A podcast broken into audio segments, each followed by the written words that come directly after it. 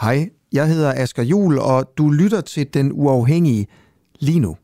Du skal bare lige huske, at vi sender live hver morgen fra 7 til 9 på vores app. Og på appen kan du også finde nogle af vores andre programmer, der kun er for medlemmer. For eksempel podcasten Spionchefens Hemmelighed, hvor jeg prøver at finde ud af, hvorfor spionchef Lars Finsen er sigtet for at lægge statshemmeligheder. Hvad mener politiet, han har lægget? Hvorfor ordnede man egentlig ikke sådan det her i hemmelighed bag gardinerne? Hvilken rolle spillede Mette Frederiksen egentlig, og hvem er Lars Finsen? Nå, ikke mere om alt det. Du kan høre det i podcasten. Download vores app og bliv medlem, hvis du vil høre for eksempel det her program. Ja, og så slipper du i øvrigt også for den her irriterende besked i din daglige nyhedspodcast.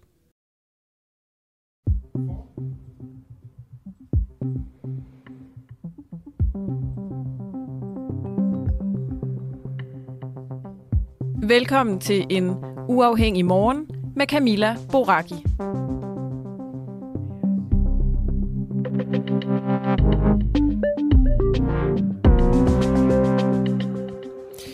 Ja, godmorgen. Mit navn det blev jo sagt her i introen, så det behøver jeg ikke gentage. Til gengæld kan jeg fortælle, hvad vi skal tale om denne her morgen blandt andet.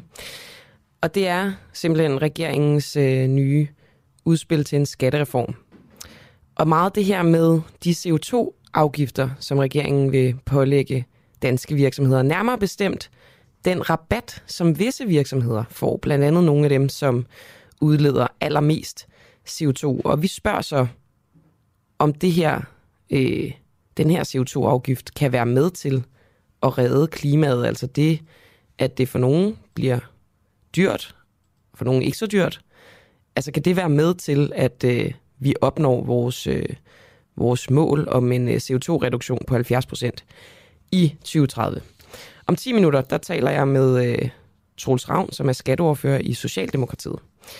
Men inden da skal jeg tale med den politiske leder af Alternativet, Francesca Rosenkilde. Godmorgen til dig. Godmorgen.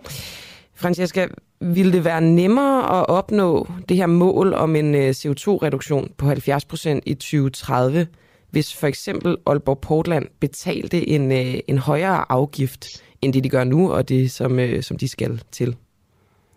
Ja, det er helt klart. Men det er der heller ingen, der benægter. Øh, problemet er jo, at, øh, at man øh, vægter økonomisk vækst højere end, end at nå målet.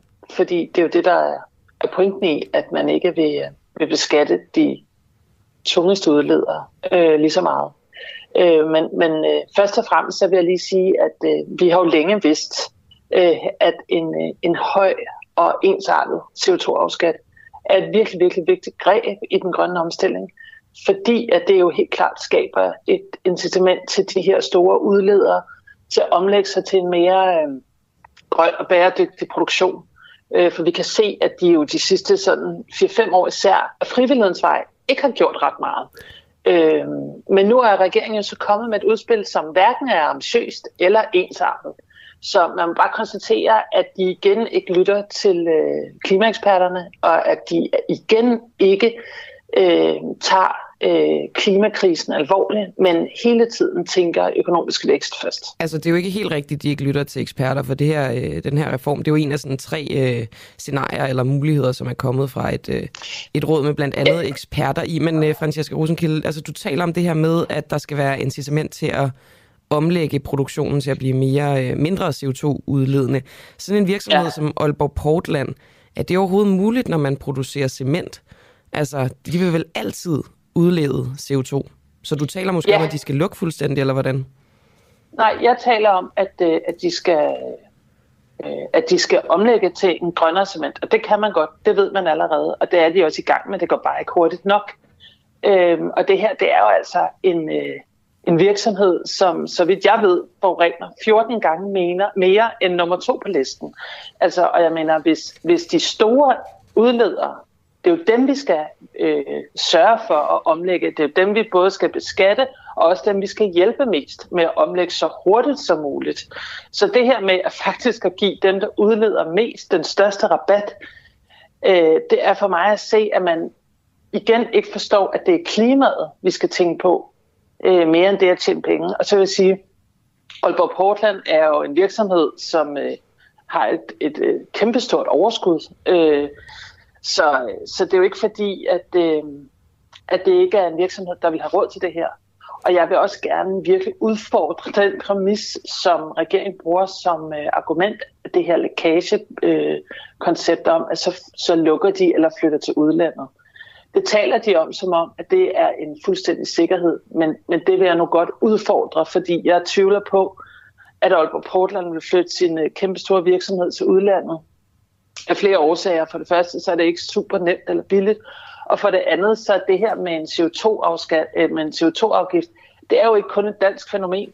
Det er jo noget, man arbejder med øh, i EU og i andre europæiske lande og i resten af verden. Det Men er jo vi, globalt. vi er enige om, at, at det her er en yderligere beskatning i forhold til, til EU-afgifterne. Øh, ja, det er vi, men vi er jo også enige om, at andre lande er i gang med meget det samme. Og det vil sige, Aalborg Portland kan jo ikke, øh, så skal de finde et eller andet øh, hul i verden, som ikke går op i klima. Øh, og jeg tænker, at, øh, at den ejerkreds, der sidder der, de kunder, der har med Aalborg Portland at gøre, er også optaget af klimaet. Og det kan godt være, at det vil være lidt dyrt på den korte bane, men på den lange bane, så er det jo den vej, vi skal, og også det, som, øh, som man vil vælge som virksomhed.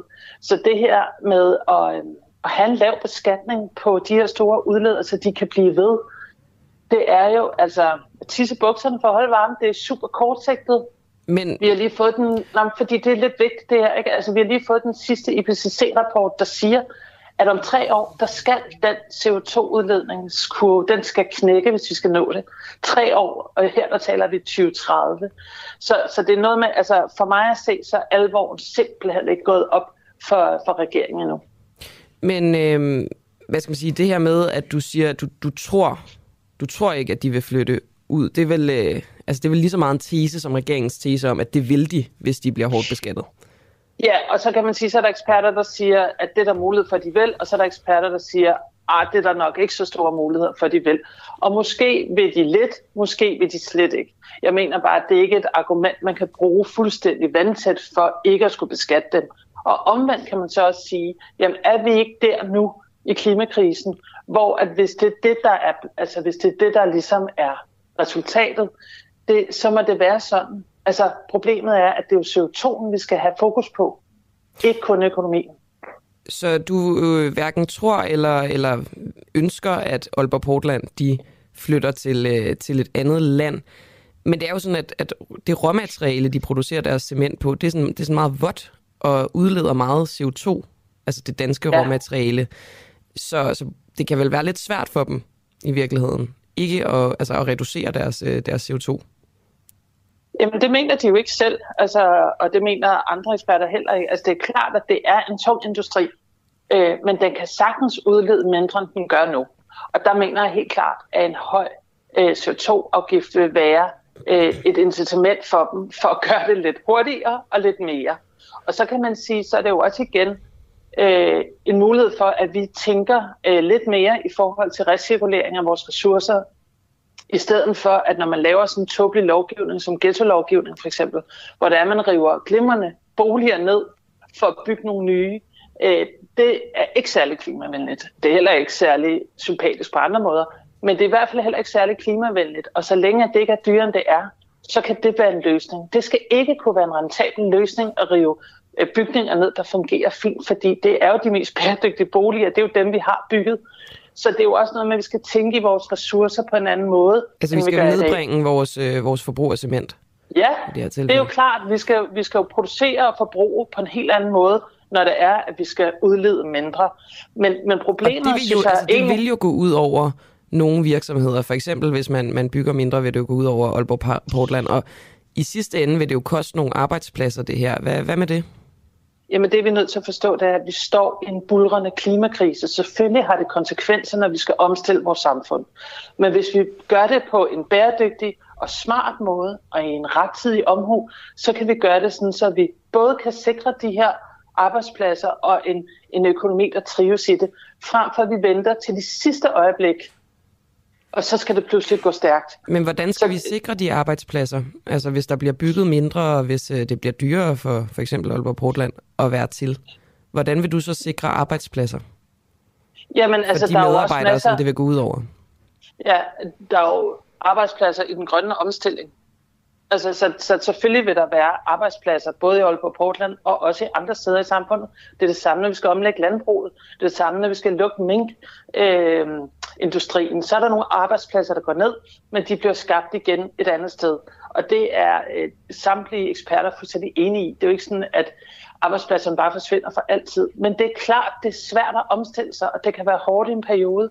Problemet er bare, at det er vi nødt til, fordi vi står i en klimakrise. Og hver gang regeringen laver klimapolitik, så er det altid økonomien, der kommer først. Og det er det, der er problemet. For vi kan ikke løse problemet ved at bruge den samme logik, som har skabt den. Så derfor så er vi nødt til at være meget mere innovative, når det er, vi taler om bæredygtig omstilling, end bare at tælle i kroner og i arbejdspladser. Fordi CO2'en, altså 2021 var det år, hvor vi havde allerflest klimagasudledninger globalt nogensinde. Og det, det, vi er nødt til at stoppe, vi er nødt til at omlægge, og jo hurtigere og smartere vi gør det, jo mindre smertefrit, mere smertefrit bliver det for både virksomheder og økonomi. Francesca Rosenkilde, du er politisk leder af Alternativet. Du, du sidder ikke i Folketinget. Øhm, jeg tænker sådan på, jeg skal øh, snakke med Troels Ravn, som er skatteoverfører for Socialdemokratiet lige om lidt. Har du sådan et mm. spørgsmål, der, øh, der er presserende, som du gerne vil stille ham? Så kan jeg jo stille videre. Ja, altså, der kunne være mange. Jeg skal heldigvis selv til møde med ham også, så det, så det går nok. Men jeg tænker, øh, når det nu er, der bliver anbefalet fra Klimarådet blandt andet, at det er en høj og ensartet CO2-skat på 1.500 kroner, hvorfor vælger man så at lave en ikke ensartet og lavere CO2-skat? Øh, og jeg ved godt, at hans svar vil være det her lækage med arbejdspladser, men det synes jeg, du skal prøve at udfordre ham lidt på for det øh, er der masser, der siger øh, ikke passer. Og derudover så må man sige, at det er ikke klimaet, vi laver lovgivning for. Det er vel ikke arbejdsmarkedet lige nu. Det er klima, vi prøver på at redde. Det er jo et godt spørgsmål. I hvert fald, om, øh, om det i sidste ende er arbejdsmarkedet. Nå, men jeg skal jo også bare passe mit, mit eget job. Det var, bare, øh, det var bare sådan en lille tanke, jeg fik. Tak fordi du ja. var med, Franciska Rosenkilde. Jamen tak for det, og fortsat god dag. Lige måde. Hej igen som sagt øh, politisk leder af Alternativet. Det tænkte jeg lige på, om jeg overhovedet fik sagt i starten af interviewet. Det ville jo øh, være en meget god idé. Men så er det i hvert fald sagt nu. Og øh, som jeg også sagde til øh, Francisca, så, øh, så taler jeg altså med Troels Ravn, som er skatteordfører i Socialdemokratiet, lige om lidt. Øhm, og det er egentlig samme spørgsmål til ham. Kan regeringens CO2-afgift være med til at redde klimaet? Nej, siger Franciska Rosenkilde. Jeg går ud fra, at Troels Ravn han vil, øh, vil sige ja. Og det her spørgsmål, det stiller vi jo, fordi regeringen i går øh, præsenteret et udspil til en skattereform, som indeholder en øh, ny CO2-udgift. Men nogle af de virksomheder i Danmark, som øh, udleder allermest CO2, de kommer til at slippe med en lavere afgift end andre virksomheder. Inden vi får øh, Troels Ravn på til at snakke om det her, så kan jeg jo sige, at klokken er blevet 12 minutter over syv, og mit navn det er Camilla Boracchi, og jeg er altså jeres vært denne torsdag morgen.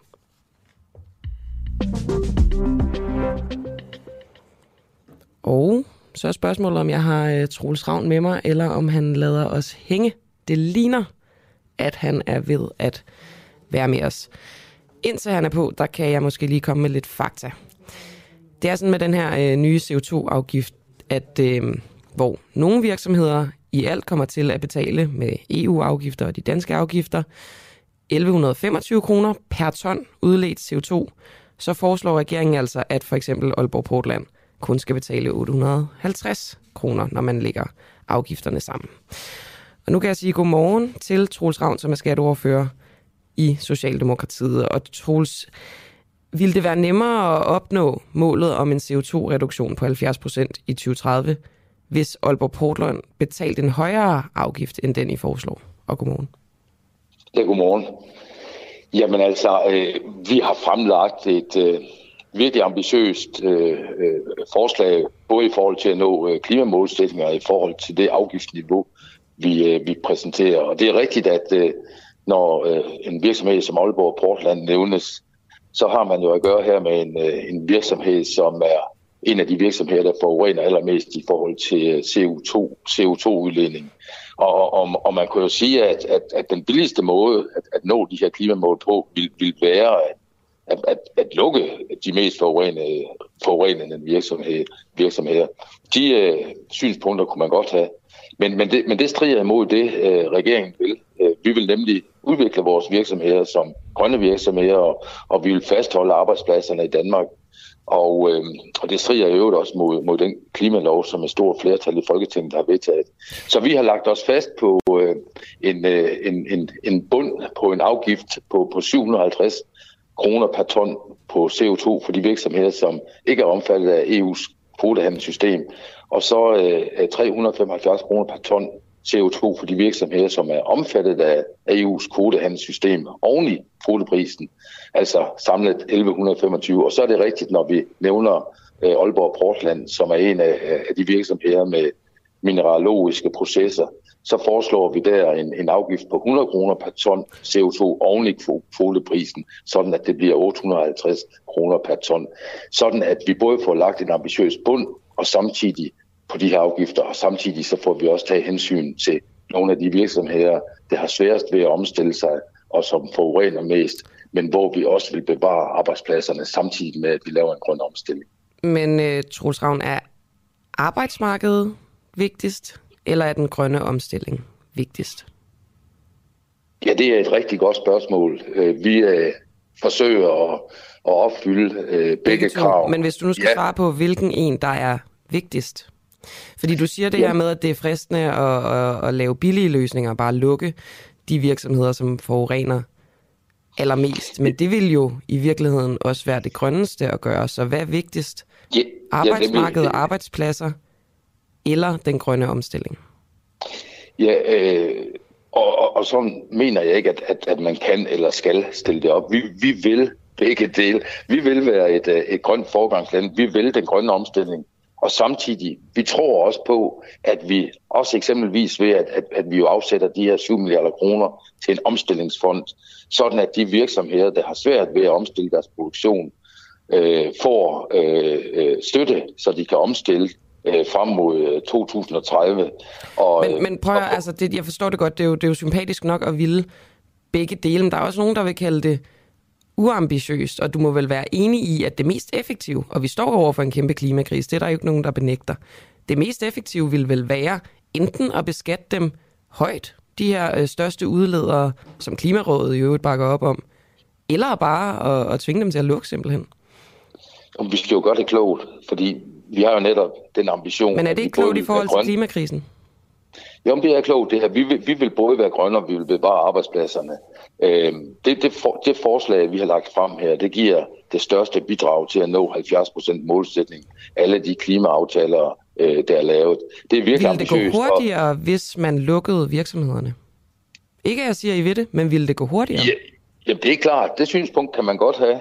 Nej, øh, ville det det? Det synspunkt, det synspunkt har jeg ikke. Det synspunkt har regeringen ikke. Så altså, du siger, det ville og, ikke gå hurtigere nå, at nå målet? Jo, jo, jo, jo, det siger jeg, det okay. vil de. Så altså, det synspunkt kan man godt have mm. øh, i forhold til at nå øh, målsætningen om en reduktion på 70 procent af, af CO2. Det er klart, at hvis vi så lukker de mest forurenende virksomheder, så vil man hurtigere nå det mål. Det siger vi så, at det vil vi ikke være med til. Vi vil lave en grøn omstilling, hvor vi når mål som planlagt i, øh, i øh, 2030. Og samtidig, så vil vi bevare arbejdspladser. Og det er det, mål, vi tror på, at vi kan nå med det her forslag, som vi har lagt frem. Og, og, og når du nu i øvrigt siger, at, eller indikerer, at, at det ikke er ambitiøst, det er jo netop øh, ambitiøst. Det, de de øh, afgifter, vi lægger på her, de er, er større end, end, end, end de afgifter, der er omfattet af EU's øh, kvotehandelssystem. Det, det, det forholder jeg mig overhovedet at, ikke til, om det er ambitiøst. Jeg synes bare, det er interessant det her med, det altså, når man kan gøre, ja, at nogen vil mene, at det er uambitiøst. Det er der nogen, der siger. Men, men det er mere det her med, hvis noget kunne være mere effektivt til den grønne omstilling, så det, det vælger I jo ikke at gå med, kan man sige, når I giver den her rabat på nogle af de største CO2-udledere. Og det, og det medgiver du også, men det er så fordi, at I ligesom til gode ser både, øh, både arbejdsmarkedet og den grønne omstilling. Så når din øh, statsminister, vores statsminister, siger grøn før rød, så er det jo en sandhed med modifikationer. Altså lad mig være helt præcis og sige, at den billigste måde at nå klimamålene på, det vil være at lukke de mest forurenende virksomheder. Men det vil også være den grønneste måde, ikke kun den billigste. Ja, både den billigste og den grønneste. Det synspunkt mm. kan, man, kan man sagtens have. Men, men, men det strider, strider mod det, øh, vi vil som regering. Nemlig fordi vi går på to ben. Vi vil både udvikle vores virksomheder som grønne virksomheder, og vi vil fastholde arbejdspladser i Danmark, og, og, og jo, det synspunkt strider også mod den klimalov, som et stort flertal i Folketinget har vedtaget, netop fordi vi siger, at, at vi skal have de her høje ambitiøse øh, målsætninger om reduktion af CO2, og samtidig så skal vi bevare virksomhedernes konkurrenceevne, vi skal bevare arbejdspladser, vi skal bevare den velfærd, vi kender. Jeg kom sådan til at tænke på det her med, altså, at øh, I siger jo det her med, at, man kan, at de vil flytte ud af landet. Hvis, øh, ja, det er hvis det, man kalder lækagen. Ja, lige præcis, ja. hvis man beskatter dem ja. for højt. Ja. Ja. Altså, vi står jo ikke lige frem og mangler arbejdspladser i Danmark. Vi mangler jo arbejdskraft, så vil det være så forfærdeligt igen? Altså, jeg, jeg tror på, og regeringen tror på, at vi også i fremtiden skal producere uh, cement og tegl i Danmark. Det, det har vi brug for, også i byggeriet. Uh, vi skal gøre det på en bæredygtig måde, og det er derfor, vi har også den her omstillingsfond, sådan at, at de her virksomheder, de over de næste år kan omstille sig til en grøn, bæredygtig produktion. Altså, vi skal kunne producere bæredygtigt, også når vi taler om cement og tegl i Danmark. Og, og, og det har vi brug for. Og, og jeg mener også, at, at, at det har vi også, vi har også brug for de arbejdspladser. Der er også øh, øh ansatte øh, i de her virksomheder. Det er også vigtige arbejdspladser. Øhm, at, altså man kan sige, klimakrisen, det er jo sådan en verdensomspændende ting. Det er noget, som alle skal være være med på, før det virkelig batter. Er Danmark det bedste sted at producere cement? På en grøn måde? Det er i hvert fald en, en ambition, som, som, som vi har. Altså, vi, vi siger øh, åbent og ærligt, at, øh, at vi også skal producere bæredygtigt øh, cement og tegl i Danmark i fremtiden. Altså, vi skal også kunne producere cement og tegl i Danmark, og vi skal gøre det på en bæredygtig måde i fremtiden. Men Derfor er Danmark det sted, hvor vi har altså, blive, øh, altså, grønne. de bedste forudsætninger i for eksempel råmaterialet til at producere cement? Altså, vi har en øh, velfungerende virksomhed i Aalborg Portland. Men det er ikke det, jeg spørger om. Jeg spørger om Danmark jo. er det bedste sted at producere cement? Har vi det råmateriale, så det er det bedste sted at producere Aalborg cement Portland på en er i hvert fald måde? eksemplet beviset på, at, at, at, at det øh, lader sig gøre. Men det er, det er også ikke det, jeg spørger om. På, altså, at, hvis nu Aalborg Portland lå i et andet land, hvor der var noget andet råmateriale, ville de så kunne producere det på en mere CO2 eller Jamen, på en mere bæredygtig måde, på en mere grøn måde? Det, det skal jeg ikke kunne afvise. Øh, jeg forholder mig til, at vi har en dansk virksomhed, Aalborg Portland, beliggende i Danmark, og det er nogle arbejdspladser, som vi gerne vil bevare, og vi har en, en, en ambition om, at vi også i, i fremtiden skal producere øh, cement og tegl i Danmark, men vi skal gøre det på en bæredygtig måde, og det er det, vi gør med det her forslag. Så når I taler om, at I frygter, at de vil flytte andre steder hen, så har I ikke undersøgt, om det faktisk ville give bedre forudsætninger for at producere cement på en grøn måde, og på en mere øh, CO2-venlig måde? Jamen, jeg ved ikke rigtigt, om, om, om, om det er opgaven. Altså, hvor, hvor, hvor, hvorfor skulle det være opgaven? Altså, jeg synes, Hvis man nu kigger på klimakrisen være... som en sådan samlet international krise, så er det vel relevant? Jo, men det er jo ikke relevant, at, at vi stiller nogle krav op i Danmark, således at vi tvinger vores virksomheder til at flytte til andre lande, hvor kravene er, er, er, er knap så, så, så høje, og ambitionerne ikke er så høje. Men til gengæld vil øhm, produktionen det, det, være mere grøn? Så det er bare, når I, når I maler det her skrækscenarie med, at de det, flytter det, ud, så er spørgsmålet, om det vil være så, så forfærdeligt igen, hvis det, hvis det giver bedre forudsætninger for at producere grønt. Jamen, jeg ved ikke, om, om, om, om man kan stille det op på den måde, at, at det så vil være mere grønt. Altså, øh, i, i min øh, tænkning, altså, så, så at, at opnå en bæredygtig grøn produktion af cement og tegl i Danmark, det, det, må da være, det må da være et mål, som er, er, er værd at gå efter. Fordi vi altså både så gør det grønne, og vi bevarer arbejdspladser. Altså, det er lige netop det, regeringens ambitioner, og forhåbentlig også Folketingets ambitioner går ud på. Det er, at vi får gennemført en grøn omstilling, en bæredygtig produktion, også af de produkter, øh, der i dag produceres med en høj grad af, af, af forurening, men at vi i fremtiden gør det på en grøn måde. Så, øh, så ikke grøn før rød, og ikke rød før grøn, men rød og grøn hånd i hånd? I hvert fald øh, den grønne skattereform, der er blevet lagt frem her, har øh, den ambition, at, øh, at vi skal gennemføre en grøn omstilling. Vi har verdens højeste ambitioner på klimaområdet i Danmark. Vi har sat os nogle målsætninger, som skal indfries. Det gør vi med den her aftale, og samtidig bevarer vi arbejdspladser og velfærd. Det synes jeg øh, er et rigtig godt mål at have sig, at både det grønne og arbejdspladser, velfærd kan gå hånd i hånd. Og det er I godt tilfredse med. Det er du også, Troels Ravn, som er skatteoverfører i Socialdemokratiet. Øh, tak fordi du var med. Selv tak. Hej hej. Hej hej. Du lytter lige nu til Den Uafhængige. Danmarks måske mest kritiske, nysgerrige og levende radio. Hvis du har en god idé til en historie, så skriv til os på Facebook eller send os en mail. Adressen finder du på hjemmesiden.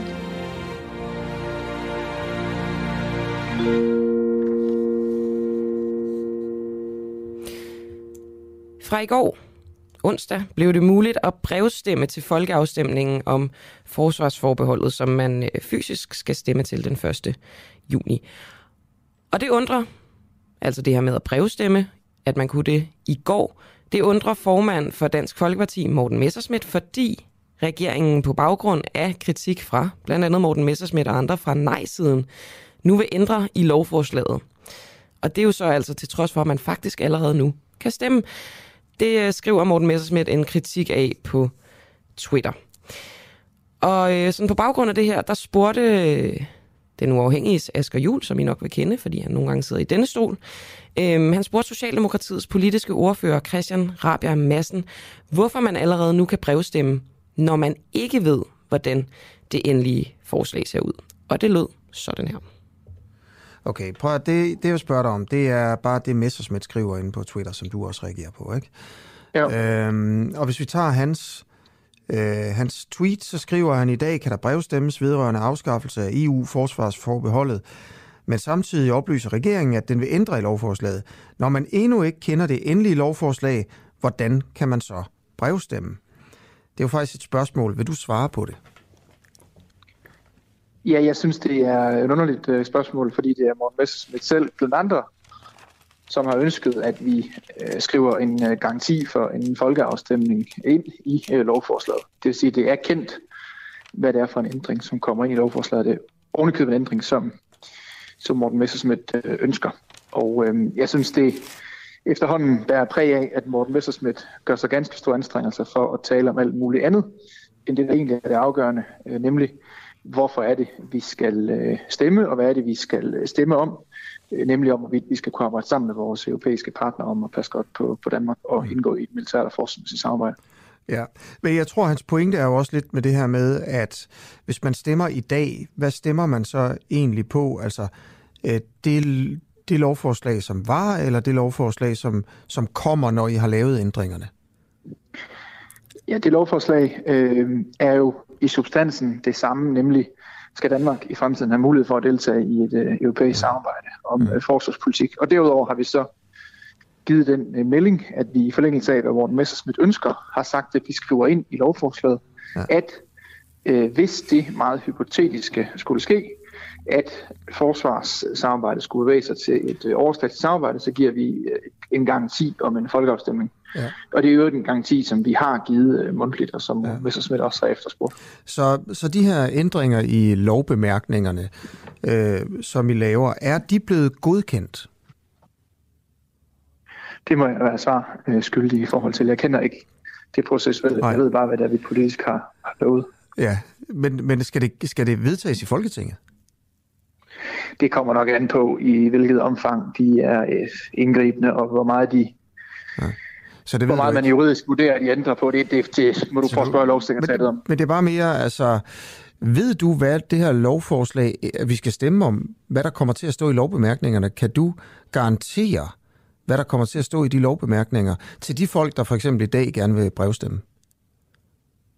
Jeg kender jo ikke formuleringen. Øh, der må du have fat i lovsekretariatet eller udenrigsministeriet. Ja. Men det, der Men kommer til at stå... ikke, om det er blevet øh, godkendt af, af dem, der skal godkende det, for eksempel Folketinget, hvis det er dem?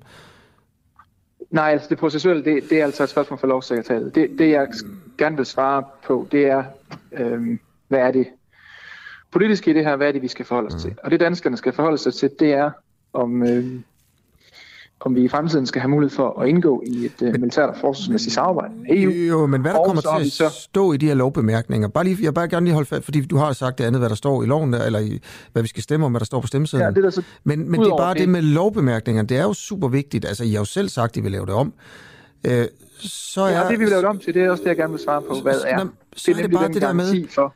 det jeg bare gerne vil spørge ind til, det er det her med, det er også det, ja. Messerschmidt, han ligesom øh, hindrer efter, ikke? Det er det her med, jamen, hvis man stemmer i dag med brevet, ikke? Stemmer man så om, altså det, I gerne vil have, der står i lovbemærkningerne, eller det, der står i dag? Hvad stemmer man på? Man stemmer øh, om, hvorvidt Danmark skal have mulighed for i fremtiden ja. og arbejde sammen med vores europæiske partnere på det forsvarsmæssige område. Og så stemmer man en lovgivning, øh, så giver man sin opbakning til en lovgivning, som i øvrigt beskriver, at hvis det samarbejde øh, mod forventning, øh, mod hvad alle lande siger, de vil, skulle blive overstatsligt, så får man en, øh, en folkeafstemning om, hvorvidt vi skal fortsætte. Kan du, øh, kan du garantere, at det er det, man stemmer om?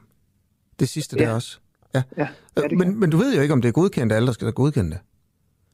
Du ved heller ikke, om det, er, om det skal igennem Folketinget, men, men du siger alligevel, at du godt kan garantere, at, at det er det, vi stemmer om. Det, det er det, øh, vi har meldt ud, at, øh, at, vi, øh, at, at, at vi gerne vil, vil, øh, vil, vil tilføje i øvrigt. Hvordan kan efter, du garantere, at det bliver tilføjet, når du ikke ved, om det skal godkendes af Folketinget? Jamen det, det processuelle her, øh, i hvilket omfang det kræver en øh, folketingsgodkendelse, det, det tør jeg ikke mm. for nuværende svare på. Nej. Men det der er afgørende, det er jo... Men du tør godt svare på, at du kan garantere, at det bliver ændret. Ja, fordi det jeg kan se, det er, at der er opbakning politisk til, at det er, mm. at det er sådan, man ændrer, at det er sådan, man ændrer bemærkningerne. Okay. Og så er det vel mindre vigtigt øh, lige præcis, hvordan formuleringen er, når jeg nu kan se, at der er politisk opbakning til, at man laver den ændring. I øvrigt en ændring, som Morten Messersmith har efterspurgt, mm.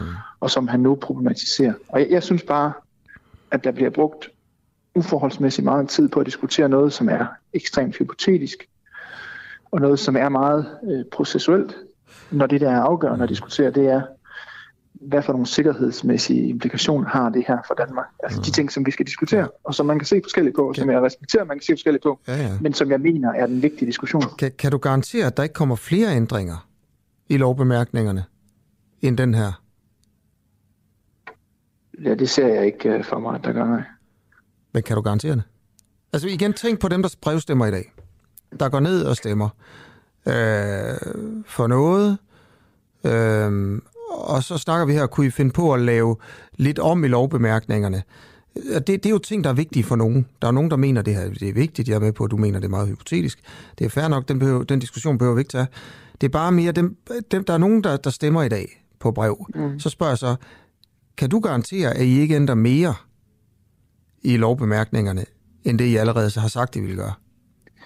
Jamen, jeg kan jo garantere, at det, man skal forholde sig til, det er spørgsmålet om samarbejde med de europæiske partnere. Det er det, vi stemmer om. Mm.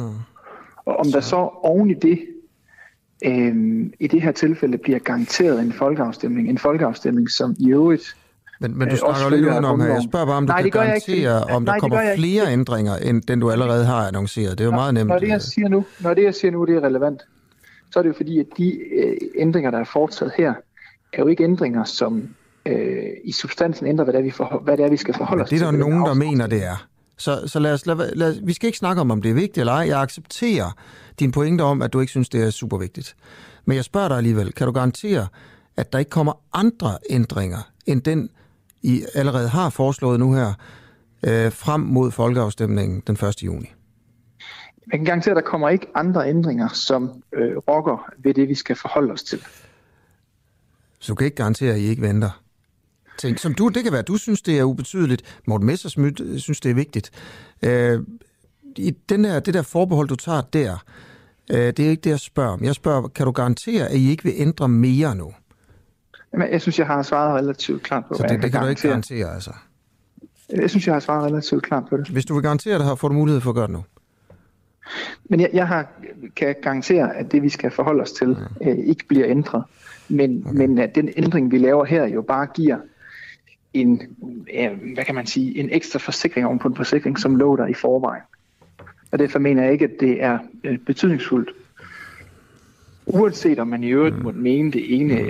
det ene eller det andet mm. i forhold til uh, spørgsmålet. Mm. Og, og jeg synes bare, det, det er påfaldende, hvor meget tid der bliver brugt mm. uh, på at diskutere uh, noget, som ligger mm. uden for det, som er det vigtige. Okay.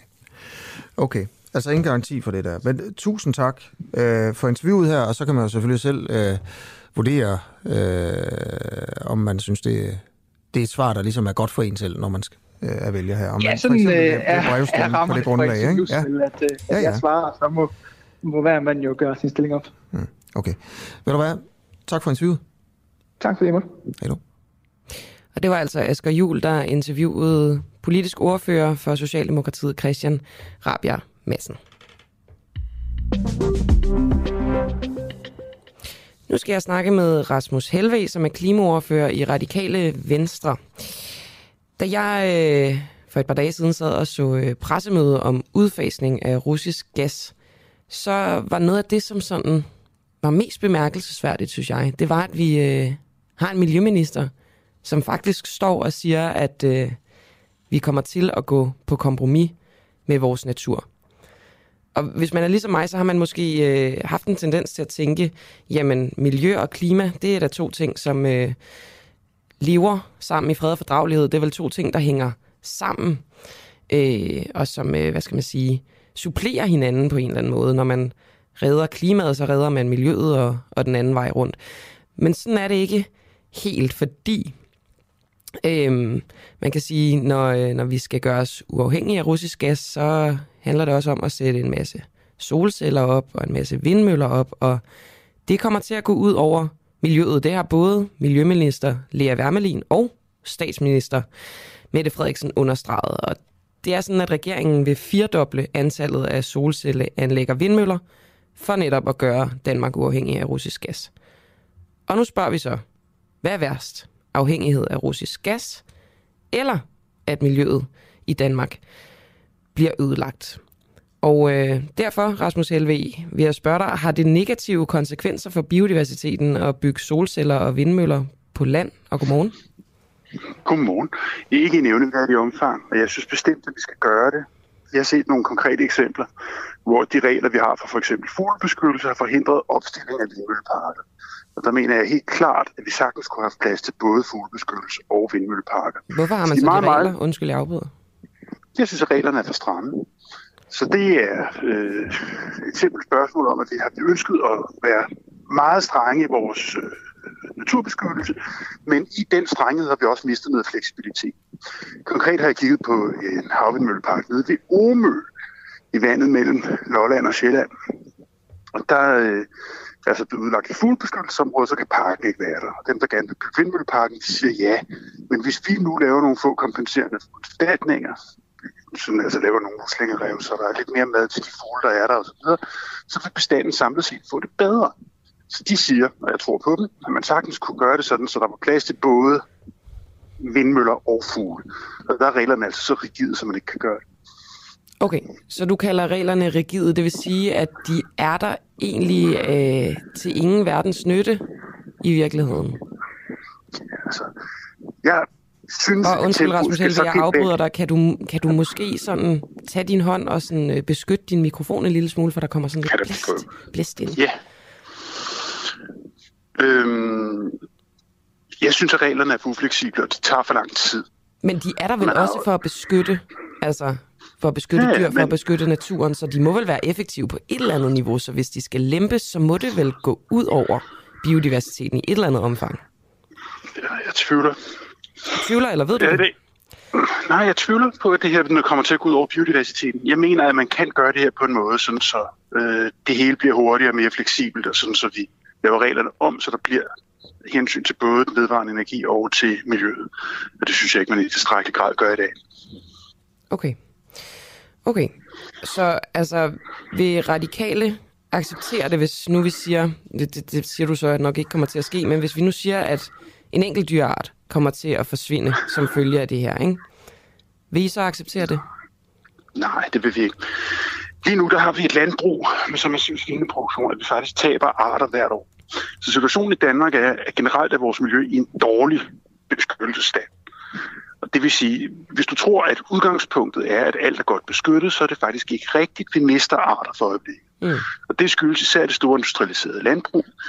Det vi, fordi det er vandmiljø, og det er sprøjtegifter, det er alt det her. Det er slet ikke den type miljøbelastning, vi snakker om, når man for eksempel opstiller solceller. Der mener jeg meget ofte, man vil opleve en mindre miljøbelastning. Hvis du for eksempel tager lavbundsjord ud af landbrugsdrift, sørger for, at det hverken bliver sprøjtet eller gødet og, eller pløjet, og der så står solceller ovenpå. Det tror jeg samlet set vil føre til en betydelig mindre miljøbelastning. Hvordan tror du så, det kan være, at for eksempel Danmarks Naturfredningsforening, de siger sådan, nej, I må ikke bygge på, på Valby Inge? Men der snakker de vel ikke om at bygge vedvarende energi på Valby Inge? Mm, jeg mener, de snakker om enten solceller eller vindmøller. Okay, no. Det ved jeg simpelthen ikke. Jeg ved ikke, hvorfor de ikke vil have, at man bygger på Valby Inge. Det kunne være herlighed, det kunne være andre ting. Mm. Men Naturfredningsforeningen synes jeg er en meget konservativ kraft efterhånden. Okay. Okay, jeg har så, også øh, så, hørt det, dem så der er sådan anbefalinger, eller det, som de, de ønsker sig, det er, det er i virkeligheden ikke noget, der er nødvendigt for, at vi kan bevare biodiversitet og bevare vores, vores natur? Altså, de har jo et eneste sigte, som er at gøre det så godt som muligt for miljøet. Og i det sigte, der synes jeg ofte, her for nylig, jeg har oplevet dem tabe det store billede. Mm. Og for eksempel har Naturfredningsforeningen også været imod den der øh, vindmøllepark, jeg snakkede om nede ved Omø, hvilket jeg synes var øh, forkert, fordi at det er et langt, langt, langt vigtigere hensyn, vi har til klimaet på den ene side, og på den anden side, så var den skade, der var deroppe til, synes jeg nærmest ingen, ikke eksisterende. Okay, og det er jo det her med, at regeringen ønsker at firdoble antallet af solcelleanlæg og vindmøller for netop at gøre Danmark uafhængig af russisk gas. Jeg så sådan at tænke på, hvor, hvor mange vindmøller blev der egentlig opført sidste år? I Danmark meget få, et par stykker på land. Og det mm. skal gevaldigt, øh, tempoet skal gevaldigt op. For mig er det jo blandt andet en snak om russisk men det er også en snak om klimaforandringer. Som men hvis man så vil firedoble det, så, så, så, så snakker vi måske ikke så mange i virkeligheden. Nej, altså, der, der er snak ikke om en firedobling af det, der blev sat op sidste år. Der er snak om en firedobling af i alt, okay. der er. Så det er et stort tal. Okay, hvor stort? Hvor mange snakker vi? Jeg ved ikke, hvad det bliver til i møller, men i uh, terawatt, som er den energi, der kommer ud af det, der snakker vi også om en firedobling, altså fra 12,5 til cirka 50 terawatt. Og det er det mål, jeg kigger på, altså hvor meget energi får vi ud af det her. Ved du, hvor mange vindmøller vi har i Danmark? Det er omkring 4.000, er det ikke? Det tror jeg, på land. Okay, alright. På men land, mange af dem men der er, er små. Vand. Ja, men mange af de her på land er jo altså meget små. Mm. Og der siger man, at hvis man fjerner to-tre stykker og starter dem med en ny, jamen så leverer det samlet set mere strøm, fordi de er blevet så utrolig meget mere effektive i de sidste 20 år. Mm. Alright, altså egentlig meget, øh, nu kom vi lidt ud af tidsspor, men egentlig meget klar tale for dig, Rasmus Helve. Det kommer ikke til at gå ud over biodiversiteten, at, øh, at der skal opstilles solcelleanlæg og vindmøller. Så jeg tror egentlig bare, at øh, jeg siger tak for det. Jamen, værsgo. Tak for Og rigtig god morgen. Hej igen. Hej igen. Godmorgen, hej.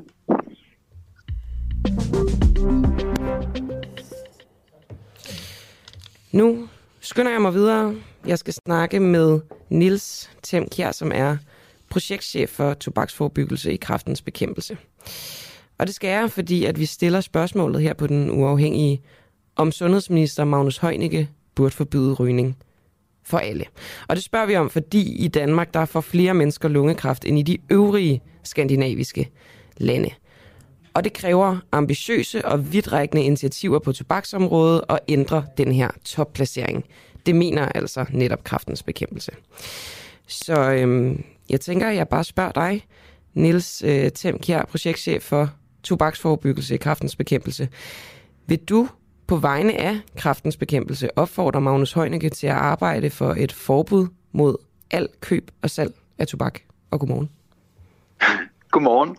Det er jo lige på hårdt. Altså, øh, vi synes jo selvfølgelig, at på et eller andet tidspunkt, der skal vi have et, et forbud mod at, at sælge tobak. Øhm, men det der er problemet, kan man sige, det er jo, altså for det første, så er der ikke flertal for det i Folketinget, men der er jo også rigtig, rigtig mange i dag, som, øh, som er afhængige af tobak. Så jeg tænker, at det er noget, som vi skal indfase langsomt over, over en årrække. Øhm, han har foreslået, at man i, i første omgang vil gøre det forbudt for børn, som bliver født i 2010 og, og senere, at de aldrig nogensinde øh, skal kunne købe tobak. Og det synes jeg faktisk er en rigtig god idé. De er jo ikke øh, blevet afhængige eller begyndt at bruge de her produkter endnu, så det kan man sige, det generer ikke nogen. Og det er jo så vel at mærke, hvis det kan lade sig gøre, hvis det bliver stemt igennem i Folketinget. Der er lige nogle øh, EU-direktiver, som, øh, som bremser det en lille smule, eller som vanskeliggør det i hvert fald. Men jeg spørger alligevel igen, fordi det, ja. det må være et ønske, I har, at, at folk slet ikke ryger. Så det er fuldstændig korrekt. Vil det er fuldstændig korrekt. Altså... opfordre Magnus Højland? Ja. For det, det er mig bekendt, det har I ikke gjort, altså en direkte opfordring. Nej, det har vi ikke. at arbejde altså... for et forbud mod alt køb og salg af tobak. Men det er klart, at det er, det er, da, det er helt klart en, en drøm for os at den dag, at det produkt slet ikke findes på markedet. Øh, men jeg synes, at øh, måske at direkte opfordre Magnus Heunicke til det, det kan måske være en afsporing af debatten, fordi at der er en masse redskaber i værktøjskassen, som vi kan, som vi kan benytte, øhm, og som vi har set i udlandet virker. Der er ikke nogen, øh, i hvert fald ikke nogen vestlige lande. Jeg tror, Bhutan har forbudt tobak, men ellers er der ikke, der er ikke nogen lande, som vi normalt sammenligner os med, som, som har gjort det her. Øhm, og det som egentlig var min opfordring i første omgang, det var at, at gøre nogle af de ting, som vi har set virke i udlandet. Altså øh, en lang række lande har, har hævet prisen øh, markant. Øh, England kunne man fremhæve, Irland, Norge. Øhm, og der er også en række lande, som har gjort nogle andre initiativer. For eksempel Holland, som er i gang med at begrænse antallet af butikker, som sælger tobak. Øh, man har lidt noget lignende i Frankrig og i Finland.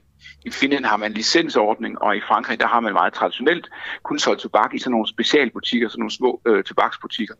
Øhm, så der er, en, der er en lang række redskaber, som man, som man har set virke i udlandet, som jeg synes, man skulle, man skulle tage at gøre, før man totalt forbyder tobak. Mm, det virker, og det gør, øh, det gør tallene pænere, men det, der vil virke bedst, det er vel et forbud. Hvorfor, øh, hvorfor er jeres ønske ikke mere kraftigt?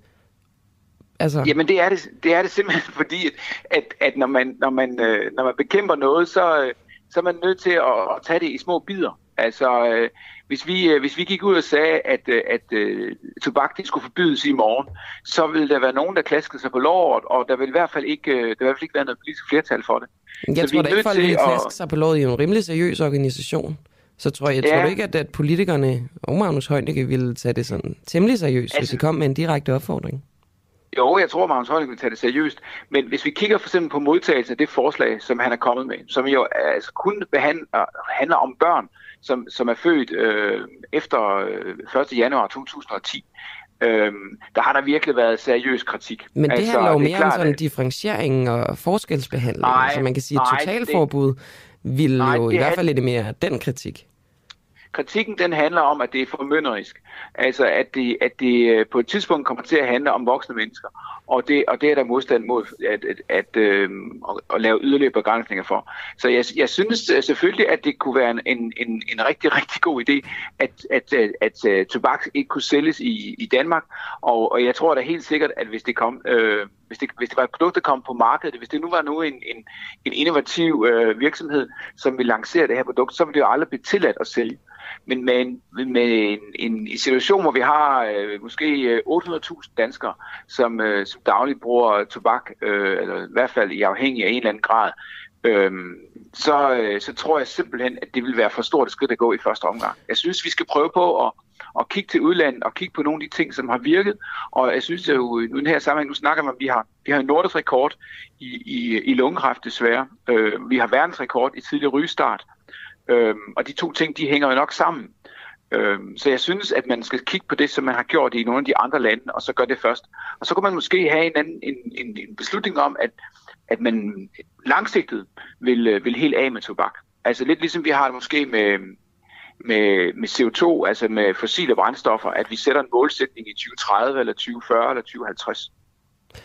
Om et forbud? Altså et totalforbud? Ja, det, det, det kunne være, det, kunne, det tror jeg faktisk, øh, at det godt kunne ske at være et, øh, både et flertal for, men også en, en, en folkelig opbakning til. Så, altså, vil, så vil I i kraftens bekæmpelse opfordre til et totalforbud af køb og salg af tobak i 2030? I 2030 tror jeg måske er for tidligt, men 2040 synes jeg faktisk kunne være, kunne være, en, kunne være en fin ting at, at opfordre til. Så det er en direkte øh, opfordring til Magnus Heunicke? Ja, men, jeg, men der er meget lang tid til 2040. Altså, jeg, jeg, jeg, jeg synes som sagt, at der er, der er rigtig mange initiativer, altså, som, som vi har set virke i udlandet, som har en effekt. Øhm, fordi det vi skal være opmærksom på... Altså, Men vi er enige om, at de har jo ikke lige så stor effekt som et forbud, vel? Altså det har de ikke. Nej, det, man kan sige, at et forbud vil måske være effektivt. Vi ved det jo faktisk ikke, mm. fordi at, at der ikke er nogen uh, lande, som vi sammenligner os med, som har kastet sig ud i det. Men det er der nok ingen tvivl om, det er, at det vil, det vil give nogle, øh, nogle andre udfordringer. Øhm, og det, det er klart, at hvis nu for eksempel vi kigger på... Øhm, øh, hvad skal vi nu tage? Nu snakkede jeg før om, om fossile brændstoffer, hvis vi taler om glødepærer eller sådan noget. Hvis man har et produkt, som på en eller anden måde kan afløse det. Altså, øh, der er sikkert nogen, der stadigvæk savner de gode gamle glødepærer, men langt de fleste er jo glade for de øh, LED-pærer, som kommer på markedet.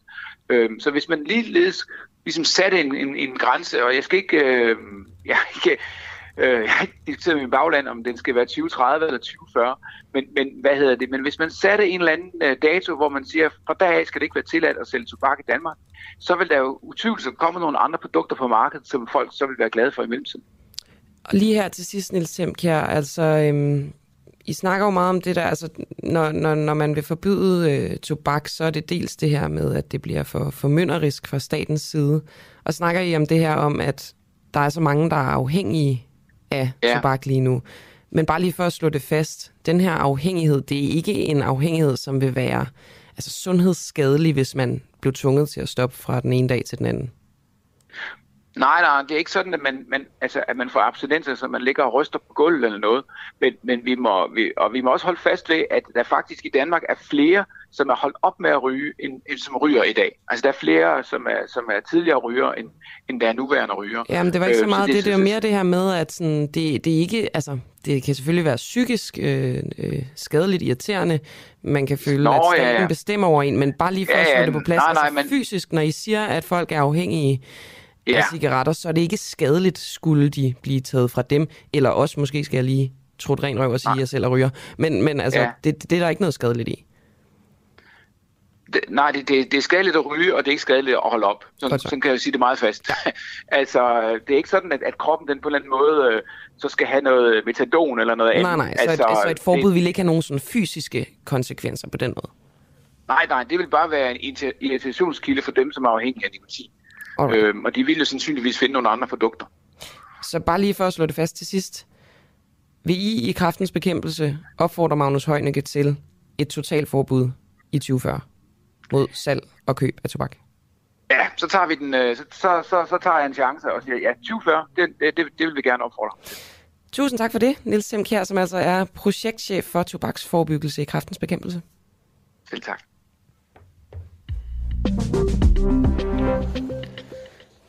Så kan jeg måske sige, at klokken den er blevet Hej, du lytter til Den Uafhængige på podcast. Husk, at du også kan lytte med, når vi sender live hver morgen klokken 7. Download vores app, Den Uafhængige, og tryk på play-knappen. Det er helt gratis. Det, der skriver forfatter og debattør Ahmad Mahmoud på Facebook. Et oplyst og demokratisk folk vil ignorere en narrøv som Paludan. Øh, Ahmad, kan du ikke lige fortælle, hvem er det, der er uoplyste og udemokratiske, og godmorgen? Jamen, godmorgen. Øh, jamen, det synes jeg er alle de mennesker, der reagerer voldeligt på hans øh, demonstrationer, som jeg i øvrigt finder latterlige. Øh, men, men, men det undskylder jo bare ikke deres reaktionsmønster. Den vold, øh, og afbrændinger og angreb på politiet, brandvæsenet, ambulancer, vi ser, der finder sted, er, er jo et udtryk for nogle langt større samfundsmæssige problemer, øh, og ikke så meget, at Paludan går rundt og brænder Koranen. Altså det, det, de, de problemer var opstået på et eller andet tidspunkt alligevel, særligt i Sverige, fordi udfordringen med integrationen er langt større end i Danmark. Altså det lyder som om, at du øh, mener, at de her mennesker, de har set det som en, en undskyldning for at altså, lave ballade i virkeligheden? Øh, ja, øh, både det, men også omvendt kan man også kalde det gnisten, der har sat, øh, sat gang i et flammehav i Sverige. Øh, udfordringerne har været der i lang tid. Hvis vi ser på de øh, parallelsamfund, vi har i Danmark, så er de 5-10 gange større i Sverige. Øh, forskellen er også, at i Sverige, der er man meget mere bange for at tale om udfordringerne, meget mere berøringsangst i forhold til at sætte ind. Øhm, og, og, og når du samler den her cocktail med, med de større øh, integrationsmæssige udfordringer, berøringsangsten, øh, både i forhold til at tale om det, gøre noget ved problemet, men også slå hårdt ned over for de her udfordringer, øh, så får du det resultat, som vi ser, og det er kæmpe optøjer. Øh, der har været udfordringer øh, og, og mit bekendtskab til dem bunder jo i, at jeg har familie i Sverige og har været der og besøgt mange af de her belastede områder. Øh, men der har været udfordringer de sidste 20 år i Sverige. Der, der hvis ikke længere tid. Øhm, der stille altså, roligt undskyld, jeg, jeg afbryder dig lige, Amat. Altså, du øh, bygger din argumentation på, at du har besøgt din øh, familie og forskellige områder i Sverige? Ja, øh, ligesom jeg besøger områder i, i Danmark. Men det er jo anekdotisk, øh, kan man sige. Det siger jo ikke noget om det samlede billede. Nej, men hvis du, hvis du så læser ind i de senere udfordringer, Sverige har haft i forhold til øh, rygterne omkring, at man fjerner muslimske børn, nærmest kidnapper muslimske børn, mm. der har opstået, det har de heller ikke gjort noget ved. Så der er enorme udfordringer i Sverige i forhold til integrationen, øh, som er større end, end i Danmark. Som du så mener øh, ligesom bliver, bliver blottet øh, her øh, med, med, med ja, Paludans, øh, hvad skal man sige, turné som, som med anledning. bliver, ja. Men kunne man ikke, altså hvordan kan du vide, at det ikke er altså fordi man kan sige, i godsøjne gik det fint i Sverige i den forstand, at der ikke har været lignende optøjer indtil nu. Så hvordan kan du vide, at det ikke ligesom er et isoleret tilfælde, at det netop bare er Paludan, der ansender det her, og det ikke ville være sket, hvis ikke han men, men, men, Det kan du jo men, ikke men, vide men, i virkeligheden. Øh, jo, fordi det er jo ikke rigtigt, at der ikke har været optøjer i Sverige i den grad. det her. Der, der har, jamen, jo, jo men, men, men det er det, jeg siger om man vil, om man vil sige, det er det, der øh, øh, var gnisten til, at det hele eksploderede. Det, det jeg siger, det er, at udfordringerne har været der, de har ulmet under overfladen, man har været berøringsangst i forhold til at gøre noget ved det, og så kan man sige, så har Paludan provokeret, været gnisten, været det, der fik bæret til at flyde over, men problemerne havde været der i forvejen, og vi vil have set den her, den her eksplosion af vold og kriminalitet øh, på et eller andet tidspunkt. Vi har jo også oplevet, at kriminaliteten er kommet til Danmark nogle gange, når de her konflikter øh, i forhold til bandemedlemmer mm. også øh, er opstået i Danmark, hvor de så er kørt over broen. Og det var i Herlev, hvor der var en, der blev skudt. Øh, det var bandemedlemmer fra Sverige, der dukkede op. Så de her, de her udfordringer er i Sverige, og det er på tide, at Sverige i tale sætter dem. Jeg var i en debat øh, med svenske politikere øh, for, for cirka to-tre år siden, tror jeg det var, hvor at jeg og dengang Katra Pavani blev kaldt for hadtalende, eller at det vi sagde, det var at, at, at banke minoriteter oven i hovedet, fordi vi i tale satte de udfordringer, der kunne være i nogle af de her muslimske minoritetsetniske miljøer. Så, så politikerne ønsker ikke og er bange for at i tale sætte de problemer, der er i Sverige. Øh, befolkningen er bange for at tale åbent og ærligt om det. De taler åbent og ærligt om det bag lukkede døre mm. i deres egen små, øh, hvad hedder det, grupper. Der tør de godt, men når, når, når det handler om at tale om det i den offentlige debat, så bliver der lukket ned for det. Så men Ahmad det, Mahmoud, godt, det... kan, kan vi i virkeligheden takke Rasmus Paludan for at få de her ting frem i lyset? Nej, jeg synes ikke, jeg, jeg vil ikke gå så langt så at sige, at vi skal takke Rasmus Paludan, fordi der er også øh, en masse bevægelser i gang i Sverige. Øh, en ung forfatter ved navn Loai Ahmed i tale sætter også de her udfordringer. Der var en gruppe af kvinder i 90'erne, tror jeg det var, der forsøgte at i talsætte minoritetsetniske kvinder, der forsøgte at i talsætte de her udfordringer, der blev kritiseret af, af, af den hellige venstrefløj i Sverige. Øh, så, så der er bevægelser i gang i Sverige. Jeg vil sige, at han har sat skub i det. Altså, det virker øh, jo i, virkeligheden enormt effektivt. Det så, så... mega meget, og det virkede også effektivt i Danmark, hvor vi i starten så bilafbrændinger øh, på Blågårds Plads, og så senere, da han så kom tilbage, så stod de og sang og bød på, på kage. Så der er en læringsproces, siger jeg med smil på, på læben, i forhold til, at de, de skal lære at forstå ytringsfriheden. De skal lære at forstå, at man ikke reagerer og svarer igen med vold. Så må man bruge sine ord, eller også så må man ignorere idioter. Christiania øh, var, var det bedste eksempel på øh, den måde, man skal ignorere mennesker som, øh, som Rasmus Paludan. De begyndte at sætte musik på. Der var et lille orkester, der spillede musik og overdøvede. Mm, og det du skriver, af Ahmad Mahmoud, forfatter og debattør og uddannet maskinmester, det ja. er, at altså også det, du siger her, et oplyst og demokratisk folk vil ignorere en narrøv som Paludan. Ja. Lige til sidst vil jeg spørge, altså er, er Rasmus Paludans metoder i virkeligheden gavnlige for, for demokratiet? Sat på en spids, så ja, fordi, fordi, fordi det er jo øh, provoker- mega provokerende metoder. Øh, og, og der, der udnytter han jo sin ytringsfrihed, men, men, men, men det sætter alt på en spids, og det fremprovokerer øh, alle de udfordringer, der kan være i forhold til integration og, og, og forståelse Så vi har brug for provokation frem for demokratisk sådan almindelig samtale? Men, men vi har altid, nu skal jeg ikke øh, sætte Paludan i samme bås som kunstner, men vi har jo altid i, i Danmark, i Skandinavien, haft mennesker, der fremprovokerede følelser i resten af samfundet igennem litteratur, igennem kunst, igennem demonstrationer. Og, og Rasmus Paludan gør noget, der minder om, øh, jeg er ikke fan af, af den måde, han udtrykker sig på, den måde, han i talesætter de her grupper, øh, men, men han skal ikke forhindres i det. Det er hans ret. På samme måde som det vil være deres ret at demonstrere øh, og, og tale imod ham. Der er ikke noget, der undskylder den vold, vi ser. Hverken i Danmark eller i Sverige. Tak for det, Ahmad Mahmoud. Ja, velkommen. Og god dag til dig. I lige måde, hej. Oppositionen i Folketinget er afgørende for demokratiet. Det glemmer mange, men vi husker det på den uafhængige. Derfor giver vi en fremtrædende oppositionspolitiker en mikrofon og et studie hver uge. Lige nu er verden blå, men hvis magten skifter, bliver verden rød. Lyt til oppositionen på den uafhængige app, som kan downloades gratis.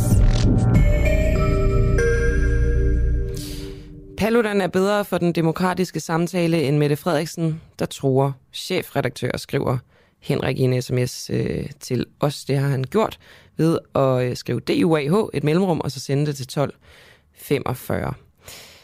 Ja, det er, jo, øh, det er jo i hvert fald et, øh, et standpunkt, kan man sige. Det, som Henrik øh, henviser til, det er øh, en samtale mellem Mette Frederiksen, statsministeren, og Tom Jensen, som er chefredaktør på Berlingske, inden de to skulle ind og øh, have en demokratisk samtale foran et publikum.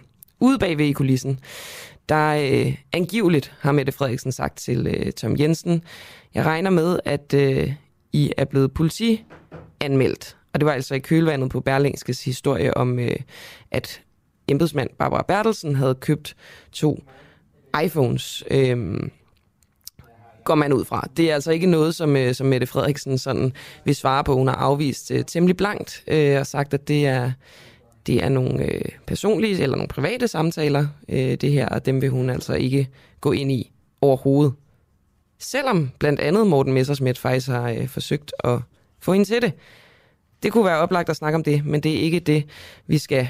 Vi skal snakke om, om Udenrigsministeriet har delt falske oplysninger i forbindelse med folkeafstemningen om forsvarsforbeholdet.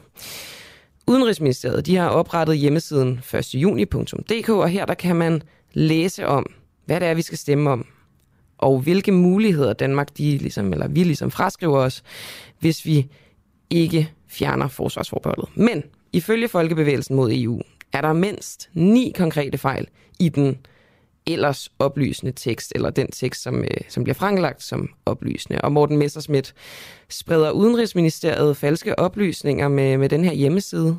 Godmorgen. Ja, godmorgen. Uh, man kan i hvert fald sige, at de spreder øh, øh, ikke præcise oplysninger og bestemte oplysninger, som er formet efter et bestemt formål.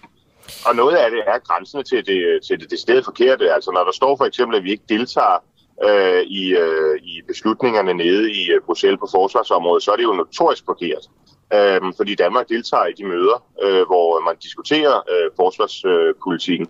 Mm. Øh, I modsætning til for eksempel, når der er på, på RIA-området eller på, på på euroområdet.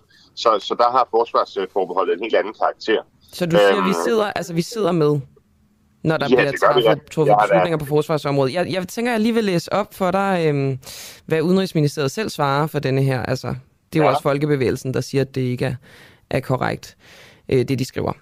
Men der siger øh, Udenrigsministeriet, altså danske forsvarsministre har altid adgang til at sidde med til EU-rådsmøder på forsvarsområdet. Så længe Danmark har et forsvarsforbehold, har Danmark dog forpligtet sig til ikke at stå i vejen for, at de andre EU-lande kan videreudvikle samarbejdet, som de ønsker det. Danmark tager derfor ikke ordet, når de øvrige EU-lande drøfter forsvarsbelagte emner. Selvom Danmark har mulighed for at sidde med til alle møder i EU's ministerråd, kan Danmark ikke deltage i vedtagelsen af beslutninger inden for den del af den fælles sikkerheds- og forsvarspolitik, der er omfattet af forsvarsforbeholdet, og Danmark er heller ikke bundet heraf. Så altså, på den måde synes jeg, det er korrekt at sige, at Danmark ikke deltager. Er det ikke rigtigt? Nej, jo, det er rigtigt, at de siger det, men det er ikke rigtigt, hvad de siger. Øhm, altså, for det første, øh, det at deltage på møderne, øh, det, det gør vi. Øh, hvis så, vi ikke så det er jo ikke noget. rigtigt. Det er heller ikke rigtigt. Det var, det var faktisk det første, det var fordi, der, så kommer der en anden. Mm. Øhm, mindst en, for det er mig. Øh, og øh, for det andet, så ved vi fra blandt andet Trine Bramsen, at øh, det simpelthen ikke passer. Altså, øh, Trine Bramsen har i sin tid som forsvarsminister flere gange, har jeg set, været ude at sige, at hun øh, selvfølgelig ikke bare tager til øh, Bruxelles for at blive set, men også for at blive hørt. Øhm, og så enten lyver eller løg øh, Trine Bramsen som forsvarsminister, eller også så lyver Udenrigsministeriet. Det kan selvfølgelig blive en spændende eksercits at få afklaret. Men uanset hvad, så tror jeg nok på, at danske forsvarsminister de siger noget i, øh, og selvfølgelig medvirker, øh, selvom man så ikke stemmer. Og spørgsmålet er også, hvor meget bliver der overhovedet stemt på de her møder? Altså, øh, fordi nu har vi jo hørt om, hvor meget vetoretten betyder, så hvis der er nogen, der stemmer nej, Mm. øh, så, øh, så, så er der jo ikke nogen vedtagelse. Og derfor så er det jo egentlig ikke så interessant, hvordan man stemmer. Det interessante er, hvordan man bidrager til den samtale, der foregår rundt om bordet. Og sådan er meget politik jo. Og det er derfor, det er så misvisende, når Udenrigsministeriet skriver, at Danmark ikke deltager, fordi det gør vi. Mm. Okay, men, men ved du... Altså, men, jo, jo, men jamen, det, det ville jeg også, hvis jeg kunne. Men, men ved du helt konkret, at vi deltager på de møder? Eller ikke, at vi deltager, men at vi også siger noget? Ja, altså jeg har jo ikke medvirket, fordi øh, altså, hendes majestæt dronningen har aldrig ønsket at gøre mig til øh, forsvarsminister. Nej. Det kan jeg jo kun beklage, men, øh, men dronningen er ufejlbarlig. Øhm, men derudover så må jeg bare sige, med mindre Trine Bramsen i sin kapacitet af forsvarsminister har løjet, så må jeg konstatere, at, øh, at for, den danske forsvarsminister både deltager i disse møder og deltager i debatten på disse møder. Og på den måde, så er det jo på en eller anden måde pest eller kolera, så er det enten hende, der lyver, eller også er der forkerte oplysninger på øh, Udenrigsministeriets nye side. lige Tror præcis. du, Det den, det, er altså, så. tror du, det er en, øh, hvad skal man sige, en bevidst fejl? Eller tror du, det er en øh, menneskelig fejl? Mm, ja, nej, jeg tror egentlig, den er, den, er, den er ikke bevidst i den forstand, at man har sat sig ned og sagt, nu skal vi skrive de her ting på en måde, sådan, så danskerne virkelig kommer til at stemme ja. Men det er klart, der er jo i hele Udenrigsministeriet en, en, en ånd af internationalisme og eurofori, øh, som gør, at det simpelthen bare er naturligt for dem at bruge den her jargon. Altså, det kunne aldrig, jeg tror ikke, der er den eneste af dem, der er ansat i Udenrigsministeriet, øh, eller øvrigt under den her regering, som i sin vildeste fantasi kunne forestille sig at stemme nej til mere EU. Øhm, og det er klart, når man ligesom Altså, lever i den, embedsværket også? For det er Ja, dem, også der har det. udfattet Ja, det ja, her. ja, ja, men også dem, der er omkring regeringen. Ikke? Altså, der er altså flere embedsværket, der udfatter det her, mener du er farvet, simpelthen? Ja, det er klart. Men det er vel problematisk? Altså, øh, hvad siger du? Det er vel problematisk med et farvet embedsværk? Det kan du godt sige. Det kan du godt sige, men der er mange problemer her i livet. Altså det her, det har vi levet med i mange år. Altså at øh, selvfølgelig er embedsværket i Udenrigsministeriet ekstremt EU-begejstret. Det kan du se mange, på mange måder. Det er jo blevet meget, meget klart under den her regering, øh, hvor, man, øh, hvor man jo, jeg kan ikke huske, om var det den tidligere departementchef i statsministeriet, der sagde, at, at man skulle være professionel socialdemokrat for at bestride de, de højstående embedsposter i øh, den her regeringsministerier. Øh, så, så det, er jo, det er et vedvarende problem. Det er bare for at sige, det er sådan for at blive ved, komme det til undsætning at sige, jeg tror ikke, de på den måde ved det ondt.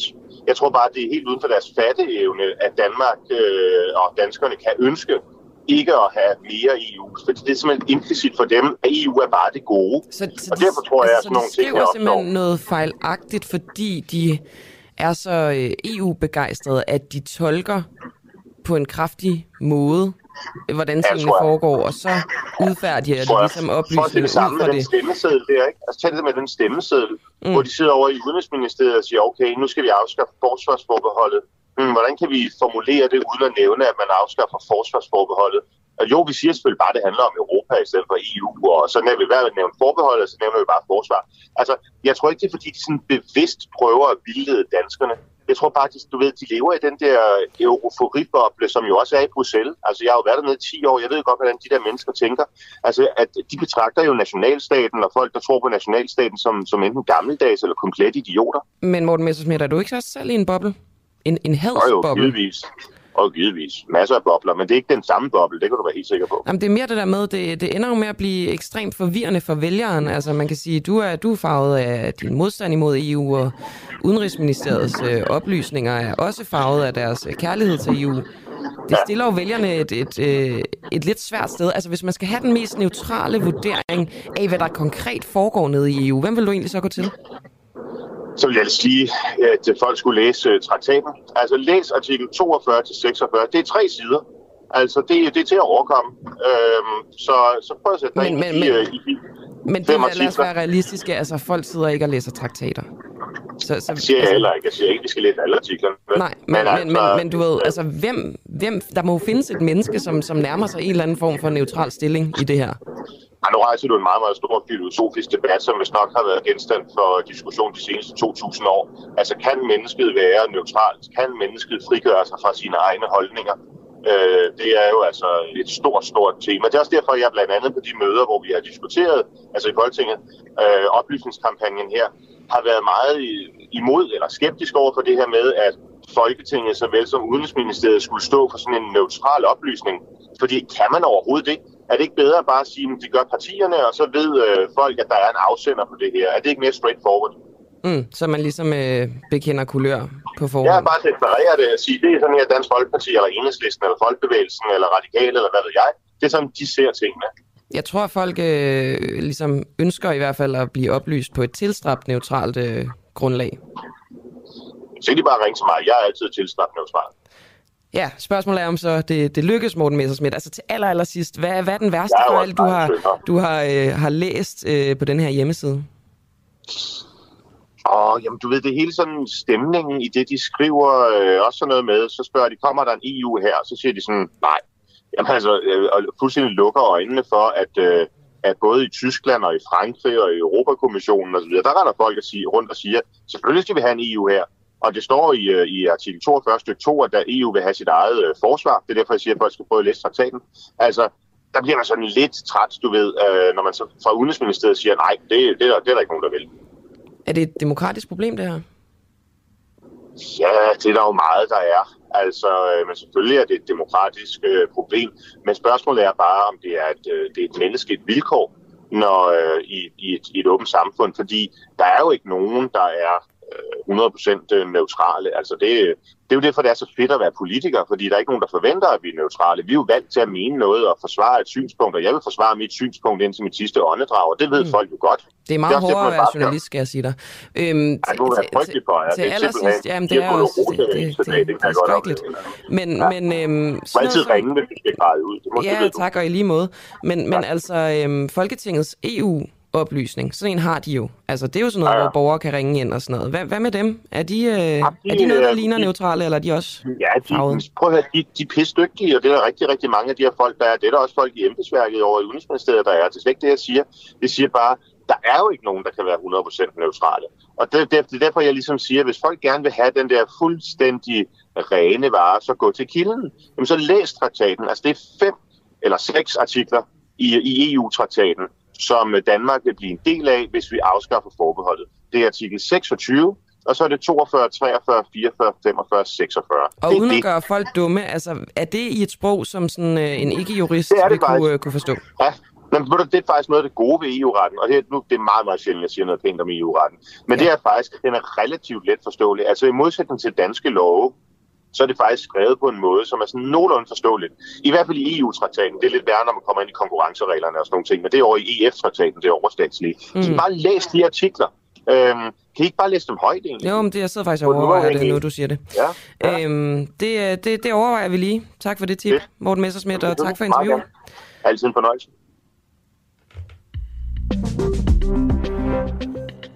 Altså formanden i Dansk Folkeparti, Morten Messerschmidt. Måske jeg lige kan øh, tage en nyhed med mindre, at øh, næste kilde han er med. Jeg får øh, et øh, rystende hoved. Den forkerte vej, det er han altså ikke. Nå, men så kan jeg øh, fortælle, at på et møde i går har finansministerne fra de såkaldte G7-lande indgået en aftale om at støtte Ukraine med 165 milliarder kroner. Det skriver nyhedsmediet Reuters. G7-landene er at øh, regne blandt verdens stærkeste økonomier og tæller USA, Kanada, Italien, Frankrig, Tyskland, Storbritannien og Japan. Det store milliardbeløb er finansieret i samarbejde med en række andre lande og skal fungere som en økonomisk førstehjælp til Ukraine, både under og efter krigen. Og ifølge Reuters, der udtalte repræsentanter fra G7-topmødet efterfølgende, at de er klar til at bidrage med yderligere hjælp til Ukraine i fremtiden, så fremt der opstår behov for det. Og så tester Rusland nu missil, der er kendt under navnet Satan 2. Og det lyder jo for så vidt ret så skræmmende, og det er det på en måde også. Øhm, RS-28, Sarmat-missilet, kan udstyres med op til 10 nukleare sprænghoveder og har en rækkevidde på 18.000 km. Rusland har foretaget sin første testaffyring af et øh, langt rækkende RS-28 Sarmat-missil, altså det her Satan 2-missil. Det oplyser den russiske præsident Vladimir Putin onsdag ifølge nyhedsbyrået AFP. Det vil garantere Ruslands sikkerhed mod ydre trusler og få dem til at tænke sig om, som i, tænke, få dem til at tænke sig om, som igennem aggressivt sprogbrug forsøger at true vores land, siger Vladimir Putin på russisk tv. Missilet er ifølge russerne verdens mest avancerede interkontinentale ballistiske missil. Det kan affyres fra både undergrundssiloer og mobile enheder. Forsinker dronningen den danske togtrafik? Den uafhængige har talt med flere togpassagerer, der har oplevet, at deres tog blev forsinket på grund af dronningens påskeferie. Peter øh, Tuvad, du er filosof, forfatter og bosiddende i Tyskland. Kan du ikke lige fortælle, hvad der skete på din togtur mellem Odense og Nyborg? Og hvad I fik at vide af DSB? Og godmorgen. Godmorgen. Jo, det gør jeg gerne. Jeg var på vej fra Tyskland, hvor jeg selv har holdt påskeferie med min kæreste fra Møn. Og vi var så udsat for det uheld på grund af en tragisk ulykke nord for Slesvig, at toget blev stærkt forsinket knap tre timer på grund af en personpåkørsel. Da vi så var kommet til Fyn, så beroligede konduktøren de rejsende, som fra København skulle videre til Stockholm, med at toget nok skulle nå tidsnok frem til, at de kunne nå deres forbindelsestog. Men med et, så satte toget hastigheden ned kort før Nyborg. Konduktøren oplyste nu, at foran os kørte der et langsomt kørende tog, men han regnede bestemt med, at vi kunne få lov til at overhale det på Nyborg station. Han skulle bare lige have konfirmeret det med hovedcentralen, eller hvad det nu hedder, i København. Få minutter senere meldte han, at desværre kunne det ikke lade sig gøre at passere toget foran os, da det min sanden var intet ringere end hendes majestæt, dronning Margrethe den anden af Danmarks, helt personlige tog. Hun var på vej hjem fra påskeferie i Aarhus til København, og dronningens tog måtte ikke overhales. Og derfor måtte han nu i gang med at arrangere, hvordan de her passagerer, som allerede var forsinket på grund af ulykken i Nordtyskland, hvordan de kunne blive indlogeret i København og så dagen efter komme videre til Stockholm. Det vil jo altså sige, at konsekvensen var, at DSB og den sidste ende de danske skatteydere måtte betale for, at passagerer blev indlogeret i København natten over, fordi de så først dagen efter, takket være dronningens tog, kunne komme videre til men, Stockholm. Men det er jo egentlig ganske normalt, at øh, danske skatteydere betaler for, for noget med, med kongehus. Men I får simpelthen at vide af konduktøren, at det er dronningens tog. Det siger han direkte. Det gør han, ja. Ja, okay, men det, det var meget, det er fordi, at øhm, altså, Bane Danmark, de har ikke haft mulighed for at stille op til, til interview med os, og de siger, at det vil tage længere tid at researche årsagen til forsinkelserne. Øhm, og kongehuset, de oplyser til os, at køreplanen for kørsel med den kongelige salonvogn, altså dronningens tog, er, er hemmeligt. Men konduktøren sagde det altså direkte til jer. Han sagde det direkte, og jeg vil også sige, at vi bagefter har undret os, min kæreste og jeg, over, at vi overhovedet fik det at vide. Vi forestillede os, at i disse tider, så får man ikke den slags at vide på grund af sikkerhedsmæssige ting, altså ære, terrortrusler og hvad det måtte være. Men den gode konduktør, som i øvrigt underholdte os på både dansk et formfuldt engelsk og tysk, sagde også til os, at nu kunne vi i venstre side af toget, dengang vi kørte over Vestbroen, på Storebælt faktisk se den kongelige vogn foran os. Så det var jo øh, meget underholdende for de af os, der ikke blev så stærkt forsinket, fordi vi ikke skulle videre til Stockholm. Om... Men vi fik altså de her informationer. Og man kan sige, det er jo, altså, der er jo de oplagte problemer i det her. Det nævner du selv selvfølgelig. Forsinkelsen, det er et irritationsmoment for nogen, en, øh, et større irritationsmoment for andre, som, som for, forhindrede deres videre, videre rejse, og det er så dyrt for, for DSB, Bane Danmark og, og de danske skatteyder. Eller dyrt og dyrt, kan man sige. Det er nok et lille greb i lommen, når det kommer til stykket, ikke? Hvis det er en engangs øh, ting, eller noget, der sker et par gange om året, ikke? Altså, så, så jeg tænker, er det her så stort et problem? Nej, selvfølgelig kan du isoleret betragtet sige, at det er et mindre problem. Det er da også første gang, at jeg har oplevet det her, jeg kører rigtig meget med tog på den her rute. Men mig kan det godt irritere, fordi der i forvejen er enormt store problemer med DSB. Al trafik mellem Danmark og Tyskland forløber nu via Sjælland over Fyn og Jylland. Tidligere har man jo kunnet køre over Rødby Putgarden, Gæsser Rostock. Det kan man ikke længere. Al trafik foregår der. Togene er hyppigt forsinket. De er altid overfyldte.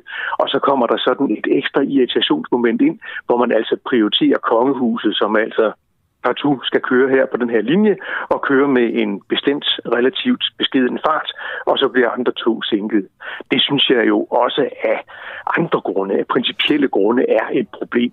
Og jeg tilstår gerne, at jeg aldeles ikke er royalist, men jeg er republikaner. Mm. Jeg bryder mig ikke om, at man har et kongehus i et moderne demokrati anno 2022, og derfor er jeg selvfølgelig også ekstra ømskinnet over for den slags. Bortset fra, at jeg sad og skok og lå i toget over denne her absurditet.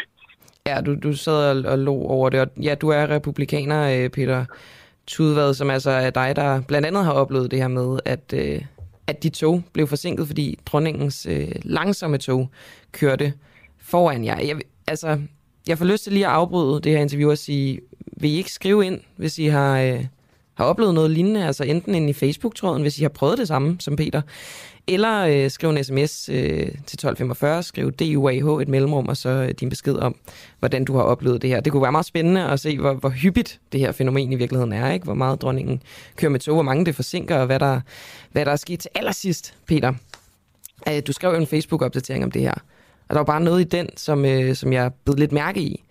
Du skriver, øh, jeg fortryder ikke min republikanske overbevisning, men overvejer tværtimod at konvertere den til væbnet antiroyalisme, så der endelig kan komme lidt fornuft ind i denne, dette latterlige levn fra tiden før det demokrati, som alle her ikke desto mindre ævler og bævler om.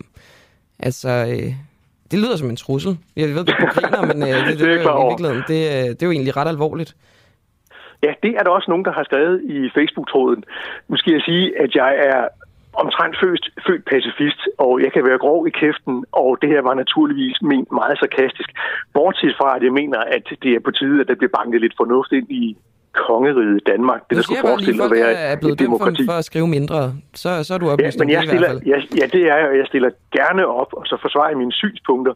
Naturligvis har jeg ikke til hensigt at slå dronningen ihjel, eller hvad nu folk de kan fremfable i anledning af denne her i øvrigt munter opdatering. Mm. Alright, jamen øhm, så lad os håbe, du kan dække dig ind under en uh, satireparagraf eller lignende, Peter Tudvad, som er altså jeg står klar. filosof og forfatter og bosiddende i Tyskland, og altså øh, fik øh, en, en lidt langsommere, i en republik, fik en lidt langsommere togrejse i Danmark på grund af dronningens øh, tog salonvogn, kan man sige. Den kongelige salonvogn. Tak fordi du var med. Velbekomme. God dag. God dag.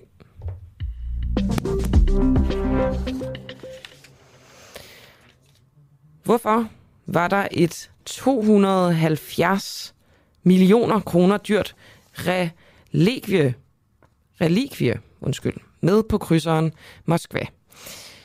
Det, øh, det lyder som et russisk skib. Det er det også. Det er et russisk øh, krigsskib, altså ved navn Moskva, og det sank i sidste uge i Sortehavet.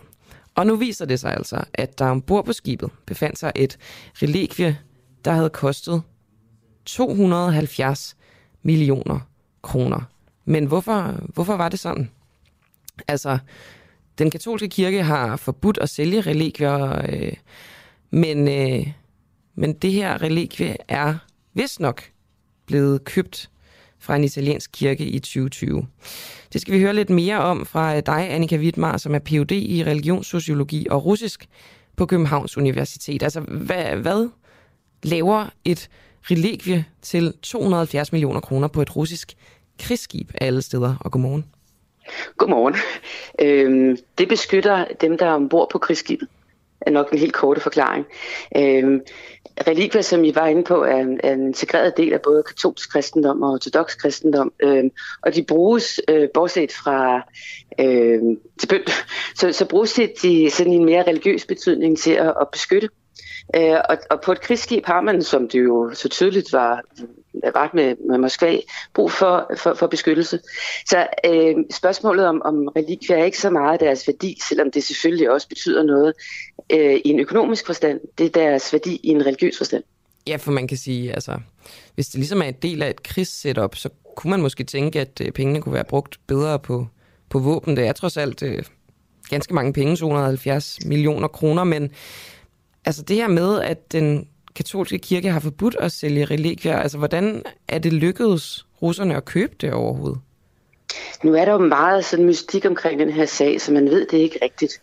Men med rigtig mange af de religiøse artefakter, øh, ikoner, øh, relikvier, øh, statuer fra, øh, fra kirker osv., så, så, øh, så bliver de jo sat til salg på auktioner. Sådan noget som ikoner har vi for eksempel rigtig ofte på, på auktioner i Danmark.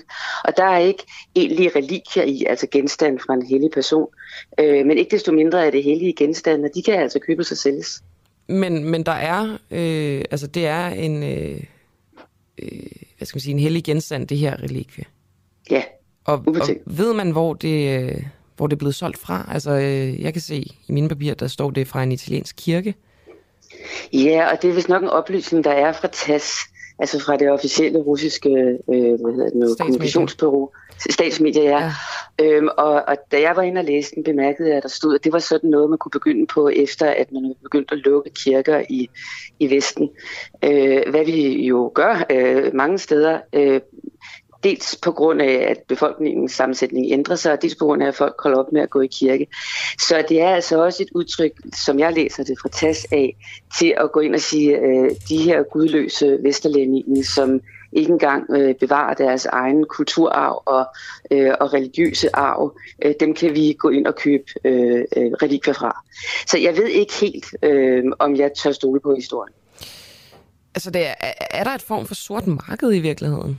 Øh, inden for, øh, for øh, katolske religier? Det er nok ikke den rigtige til at spørge om, men som med al kulturarv, øh, som øh, der ikke er øh, øh, store regler omkring, altså ting, der er registreret på museer og sådan noget, og der er ikke mindst religiøs kulturarv, som tit sådan flyder rundt, øh, der øh, har, konstaterer vi i hvert fald, at vi ser, at de dukker op øh, i privatsalg. Og øhm, nu er du inde på det her med, at det er med på det her krigsskib for at øh, passe på, kan man sige, skibet, mm. soldaterne, øh, velsigne dem på en måde, som beskytter dem. Øh, hvis man tror på den slags, og det, det gør de jo så. Men hvad siger det om forbindelsen imellem den russiske stat og, og det russiske militær? Øh, ja. til, altså forbindelsen mellem den og så, så den russiske ortodoxe kirke, at man bruger så mange penge på at sætte et relikvie op på et, øh, eller i et krigsskibs kapel? Det, det fortæller noget om, at forbindelsen mellem det russiske militær og den russiske kirke er stærk. Øhm, og det er noget, som vi har set blevet gradvist og stærkt opbygget, øhm, sådan, øh, især fra nullerne og frem efter. Øhm, øh, en af de allerstørste mindesmærker for 2. verdenskrig, og dermed et militært mindesmærke i Moskva, Poklona Gara, fik for et par år siden en krigskirke, hvor hele kirken er dedikeret til, til militæret. I forbindelse med krigen i Ukraine har vi også set sådan en overrækkelse af, af ikoner til ledende personer inden for militæret. Øh, og kirken og hæren står fremstiller sig tit som symboler på henholdsvis den helt fysiske og så den åndelige beskyttelse af, af Rusland. Så forbindelsen er på mange måder stærk. Og er den blevet på nogen måde, altså kan man se, at den er blevet mere politisk? Ja, det gælder ikke kun militæret. Det gælder, det gælder hele forholdet mellem kirke og stat. Øh, hvor at, at Ruslands patriark øh, Kirill er gået fuldtonet ind øh, på Putins side imod krigen i Ukraine. Øh, også imod nogen, der egentlig hører til hans egen kirke. Øh, så på den måde så, så bliver øh, de forskellige statssymboler, staten, hæren, kirken, de står altså side om side i forhold til den her konflikt. Så, og det skaber vel også en, øh, en form for konflikt sådan, øh, blandt katolikker, fordi paven har jo fordømt den her krig. Øh, men det, det, hele den her konflikt har skabt internt splid øh, i især den ortodoxe kirke. Nu anerkender den ortodoxe kirke sådan set ikke paven og, og, og vice versa øh, principielt. Mm. Sådan at forstå, at, at, at det, at der er et katolsk relikvie det i på et ortodox krigsskib, det, det bliver ikke set som noget særligt katolsk, det bliver set som noget kristent. Okay. Øh, fordi det religiøse indhold er, er efter øh, religiøs tradition splint fra Jesus kors. Øh, og det er fælles gods for både ortodoxe og katolikker. Øh, og protestanter for den sags skyld, selvom de ikke bruger relikvier. Øh, så det er, er mere øh, internt i de ortodoxe kirker, øh, som der er en række af, hvor at, at det tætte forhold mellem øh, Ruslands stat og Ruslands kirke vækker ikke bare opsigt, men, men øh, vrede. Tusind tak for det, Annika Witthammer, altså Ph.D. i religionssociologi og russisk ved øh, Københavns Universitet. Velkommen.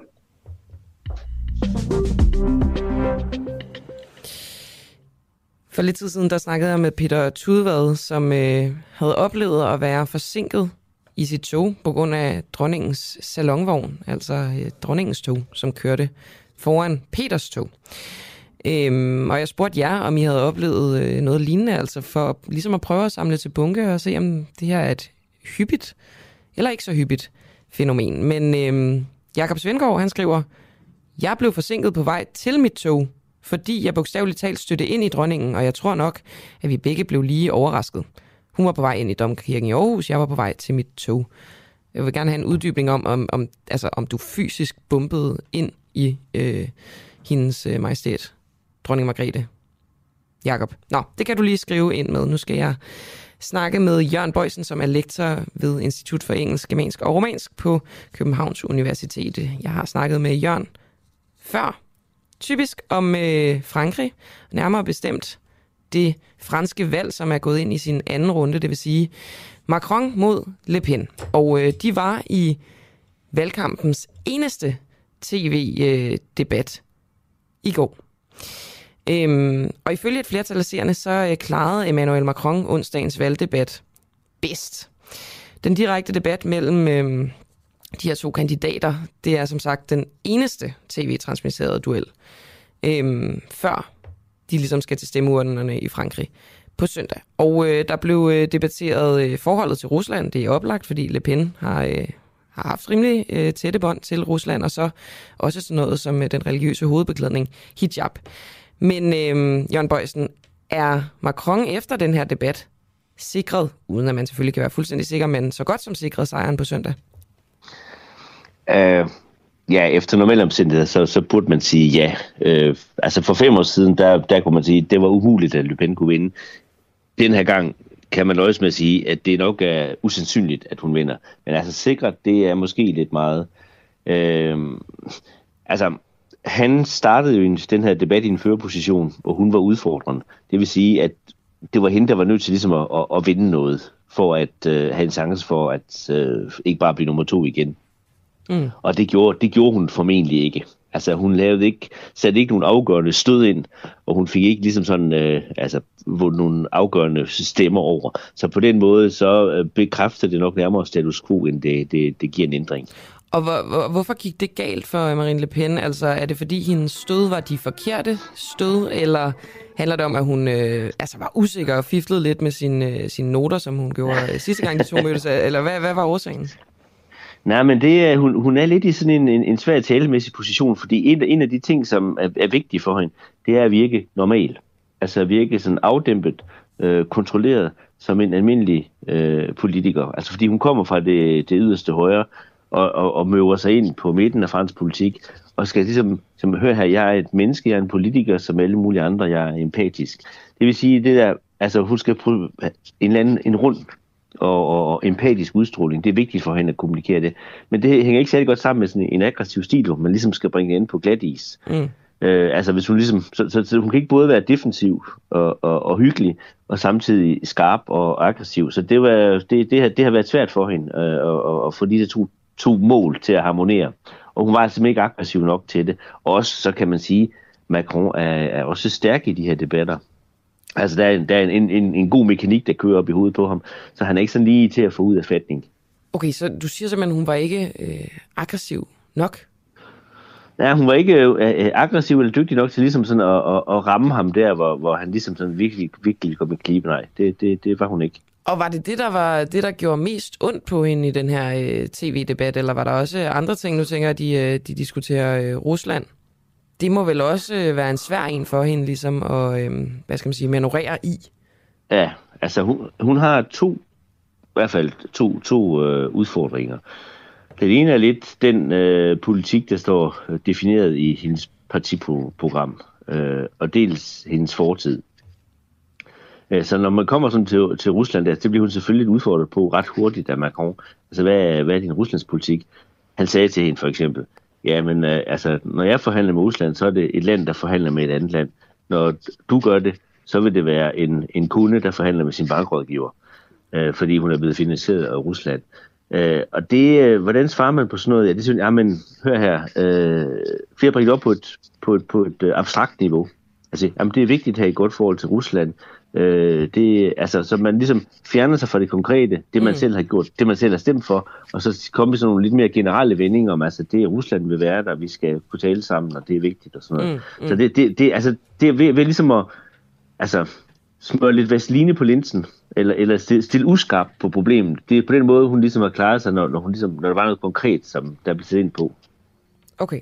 Og hvad med den her øh, hijab-diskussion? Hvad gik den ud på?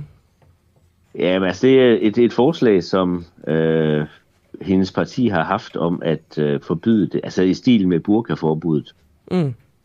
Og så forbyde øh, hovedtørklæder, altså det, det, er den muslimske hovedbeklædning. Altså den, hvor hele ansigtet er øh, frit, kan man sige, men håret dækker. Ja, for øh, håret dækker ansigtet frit, ja, og også, også forbyde det.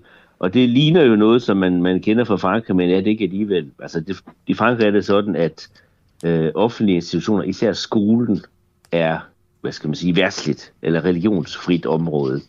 Jamen, uden for det, så, så kan man gå rundt og være lige så religiøs, man vil, og gå rundt med alle de, de tegn og klædedragter, man vil. Det vil sige, at det vil betegne et brud med den franske grundlov simpelthen, at få at, at indføre det her. Og det vil sige, formentlig ret umuligt. Og det er sådan en af de mange ting, hvor, hvor man kan sige, jamen hør her, det, det kan man sige, hvad imod, men det er ikke et forslag, som kan lade sig gøre. Altså det, og det er heller ikke et særligt sympatisk forslag, men det kan heller ikke lade sig gøre. Mm. Så hun, altså, det, det er et af de steder, hvor hun ligesom taler til, til, til, til de omvendte. Altså, det? fordi det er noget, det er noget som, som splitter franskmændene, det her spørgsmål. Var, var det der, han sagde, at så ville, så ville de få borgerkrig? Øh, ja, ja, det var, det var en af, jeg, jeg tror, han nævnte det flere gange. Altså franskmændene er faktisk rimelig gode til at føre borgerkrig. Øh, han mente det formentlig nok øh, billedligt, men, men, øh, men det, det, vil ikke, det vil ikke øh, blive accepteret i Frankrig. Så altså konklusionen, Jørgen Bøjsen, det, øh, det er, at det gik skidt for øh, Le Pen, og hun var... Nej, øh, nej. Nej? Nej, jeg vil, jeg vil godt, jeg vil godt, øh, jeg vil godt nuancere det. Ja, altså, meget gerne. Macron var ind på kompetence. Altså de fleste synes, at han, han virkede mest kompetent. Han havde de rette kompetencer til at udføre jobbet. Uh, hun vandt på to andre punkter. Den ene, det var at uh, samle franskmændene bizarrt nok, altså jævnføre hele den her hijab-diskussion mm. her. Altså det er hende, der bedst være til at samle franskmændene. Uh, uh, også ved, altså, hvem man føler sig tættest på, hvem, hvem, hvem er tættest på franskmændene, der vinder man Marine Le Pen faktisk også. Så, så det er så sådan... er mest folkelig, eller hvordan? Ja, ja, det kan man godt sige. Det er, det, det er et godt ord. Så, så på den måde er det et lidt mere øh, øh, grumset billede, så at sige. Han, han vinder på, på det der med at styre staten og det, det tekniske, men hun vinder på det menneskelige. Jeg tror slet ikke, man arbejdede med, med folkelighed i Frankrig, men det siger måske mere med, jo, jo. om, mine, om mine fordomme. Men, men øh, du siger alligevel, at du tænker, at Macron han er sikret sejren på søndag. Ja, øh, altså hendes sidste udfordring i den her debat, det var at virke kompetent.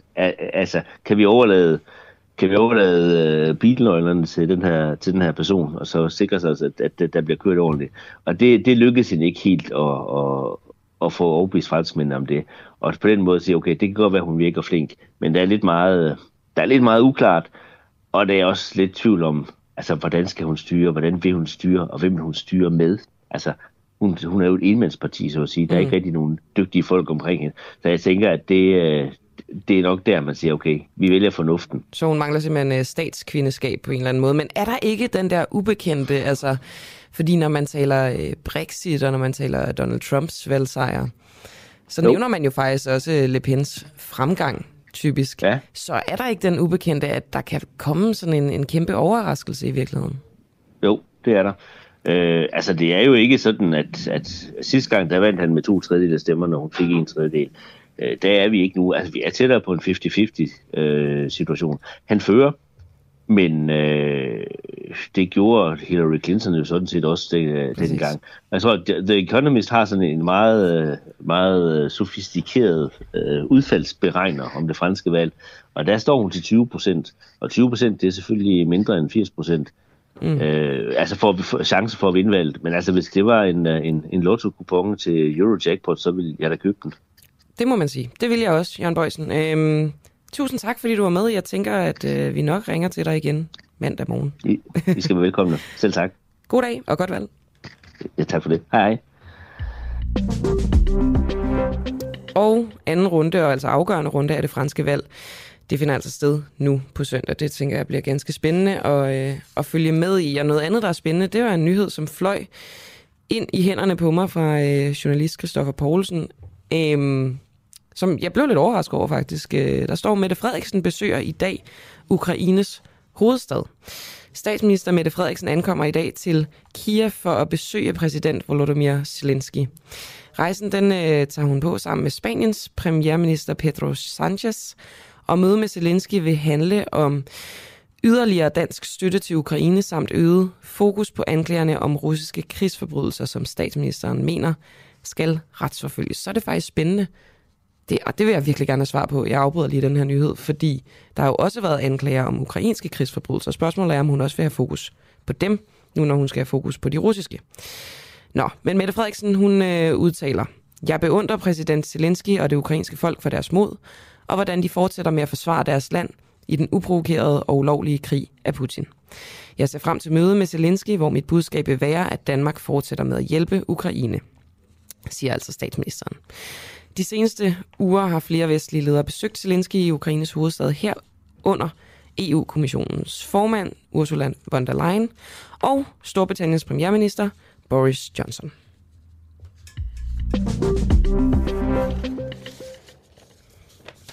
Og så skal jeg tale med frisør Dennis Knudsen. Jeg leder lige en lille smule efter mit manuskript. Øhm, vi skal snakke om romødre, noget som Dennis Knudsen han selv har øh, gjort brug af. Og spørgsmålet er, om det er en god idé, hvis det bliver lovligt at købe en dansk romor.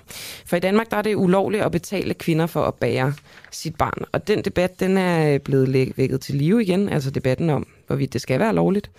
Efter der er blevet nedsat en ekspertgruppe, der blandt andet skal vurdere, om man skal kunne betale for at få rumødre til Danmark. Dennis Knudsen, som sagt, frisør, makeupartist og stylist, far til snart fire børn, der er født af roe mødre eller roe mor. Det kan du måske lige klargøre, Dennis. Først, øh, er der tale om en eller flere? Jamen, godmorgen. godmorgen. Det, er, det er sådan her, at øh, jeg har to skønne drenge i dag. Det er Lukas og Nora, og øh, de er født af den samme rumor og med den samme ægdonor. Det er jo sådan, at der er en kvinde, der leverer ægget, og så er der en, en bærende kvinde, som så føder barnet. Og øh, da jeg nu øh, skal have flere børn, så øh, snakkede jeg med den tidligere rumor her, og hun var ikke klar til eventuelt at skulle føde tvillinger. Og derfor var jeg nødt til at vælge en anden rumor, og, øh, og det har jeg så gjort denne gang. Så derfor bliver det rumøder, som jeg har brug af. Ikke? Mm. Og øh, hvor mange penge har du brugt på det her i alt, Dennis? Jamen altså, jeg vil sige, altså, jeg har brugt rigtig, rigtig mange penge, ikke? Men, men det er lige meget. Altså, jeg, jeg er så heldig økonomisk stille, at jeg kunne teknisk lade sig gøre for mig. Jeg ved, at rigtig mange mennesker ikke Jamen, det er jo, der, det er jo faktisk det derfor, det ikke er lige meget, hvad du har brugt på det, fordi der ja, men jeg kan sige, jeg, jeg, jeg, kan, jeg kan sige, ja, ja, men der, hvor jeg har fået børn, det er i USA, og USA er måske det dyreste sted at gøre det, og jeg har brugt en million plus per barn, ikke? Mm. Okay. Ja. Okay. Så, så det koster over en million. Og så, øhm, men, men også der, før til de 25 år, jeg prøvede at få børn med danske kvinder, altså lesbiske og heteropier og alt muligt andet, der brugte jeg altså også 400-500.000 på at gå i fertilitetsbehandlinger på privatklinikker mm. med forskellige kvinder og ægudtagninger og hvad ved jeg. Så jeg har brugt rigtig, rigtig mange penge på at, at få børn, kan man sige. Ikke? Skal man, øh, skal man godkendes, før man kan få lov til at få et barn med en øh, rumor, eller hvordan fungerer det? Jamen altså, det er, der er sgu meget øh, strikse vilkår i USA. Altså, du får sådan en mental screening, hvor øh, du skal svare på en masse spørgsmål, og så skal du igennem en masse øh, genetik, øh, altså både, både fysiske og hvad med, jeg har fysiske og, og psykiske og ja, alt muligt blodprøver og alt muligt, og sædkvalitet og alt muligt andet. Og når jeg så er godkendt til det, så har man så screenet øh, de her bærende ægdonorer, eller dem, der leverer ægget, og de er jo også fuldstændig screenet for deres genetik og alt er i orden. Og når man vælger det, så skal man så ud og finde rumerne, og det har det bureau, som jeg har taget hånd om, de er også fuldstændig styr på de her rummøder. Og det er privat det er ikke, det er et privat bureau, ja, og det er ikke fattige rummøder, det er ikke kvinder, der nødvendigvis gør det her for pengenes skyld, slet ikke. Og jeg aner faktisk ikke, hvad de får for det. Mm. Men de her kvinder her... Men de, så kan du, nu øh, afbryder dig lige, Dennis, så kan du jo heller ikke, altså nu siger du det selv, du ved, at de gør det ikke for pengene, du ved, at øh, det ikke er fattige kvinder, men du ved ikke, hvad de får, og du ved heller ikke, hvem de er, Nej. så det ved du jo ikke. Nej, jeg, jo, jeg ved godt, hvem rummøderne er, men jeg ved ikke... Du kender vel hvem- ikke dem alle sammen, du kender vel heller ikke deres situation. Nej, jeg kender ikke det. Altså, men de to kvinder, jeg har taget mig i, ved jeg godt. Altså, Mm. den, der kender jeg deres situation, fordi det altså, den rumor, som er båret, hende har vi stadig kontakt med, hende, der har båret drengene, ikke? Og de kommer over til Danmark her i, i sommeren og sådan nogle ting. Og hun er selvforsørgende, hun er en politikvinde i staten Arkansas, du ved, bor i et stort hus, har to biler, har to børn selv og sådan nogle ting. Så der er ikke noget at... at, at altså, hun på det. Hvad, sagtens- hvad, med, hvad med den anden? Jamen, hun er også en familiemor og bor og gift med sin mand og har to børn i forvejen og har lavet et rugebarn før, hvis man kan sige det. Og hun kan godt lide at være gravid og har det en god med det.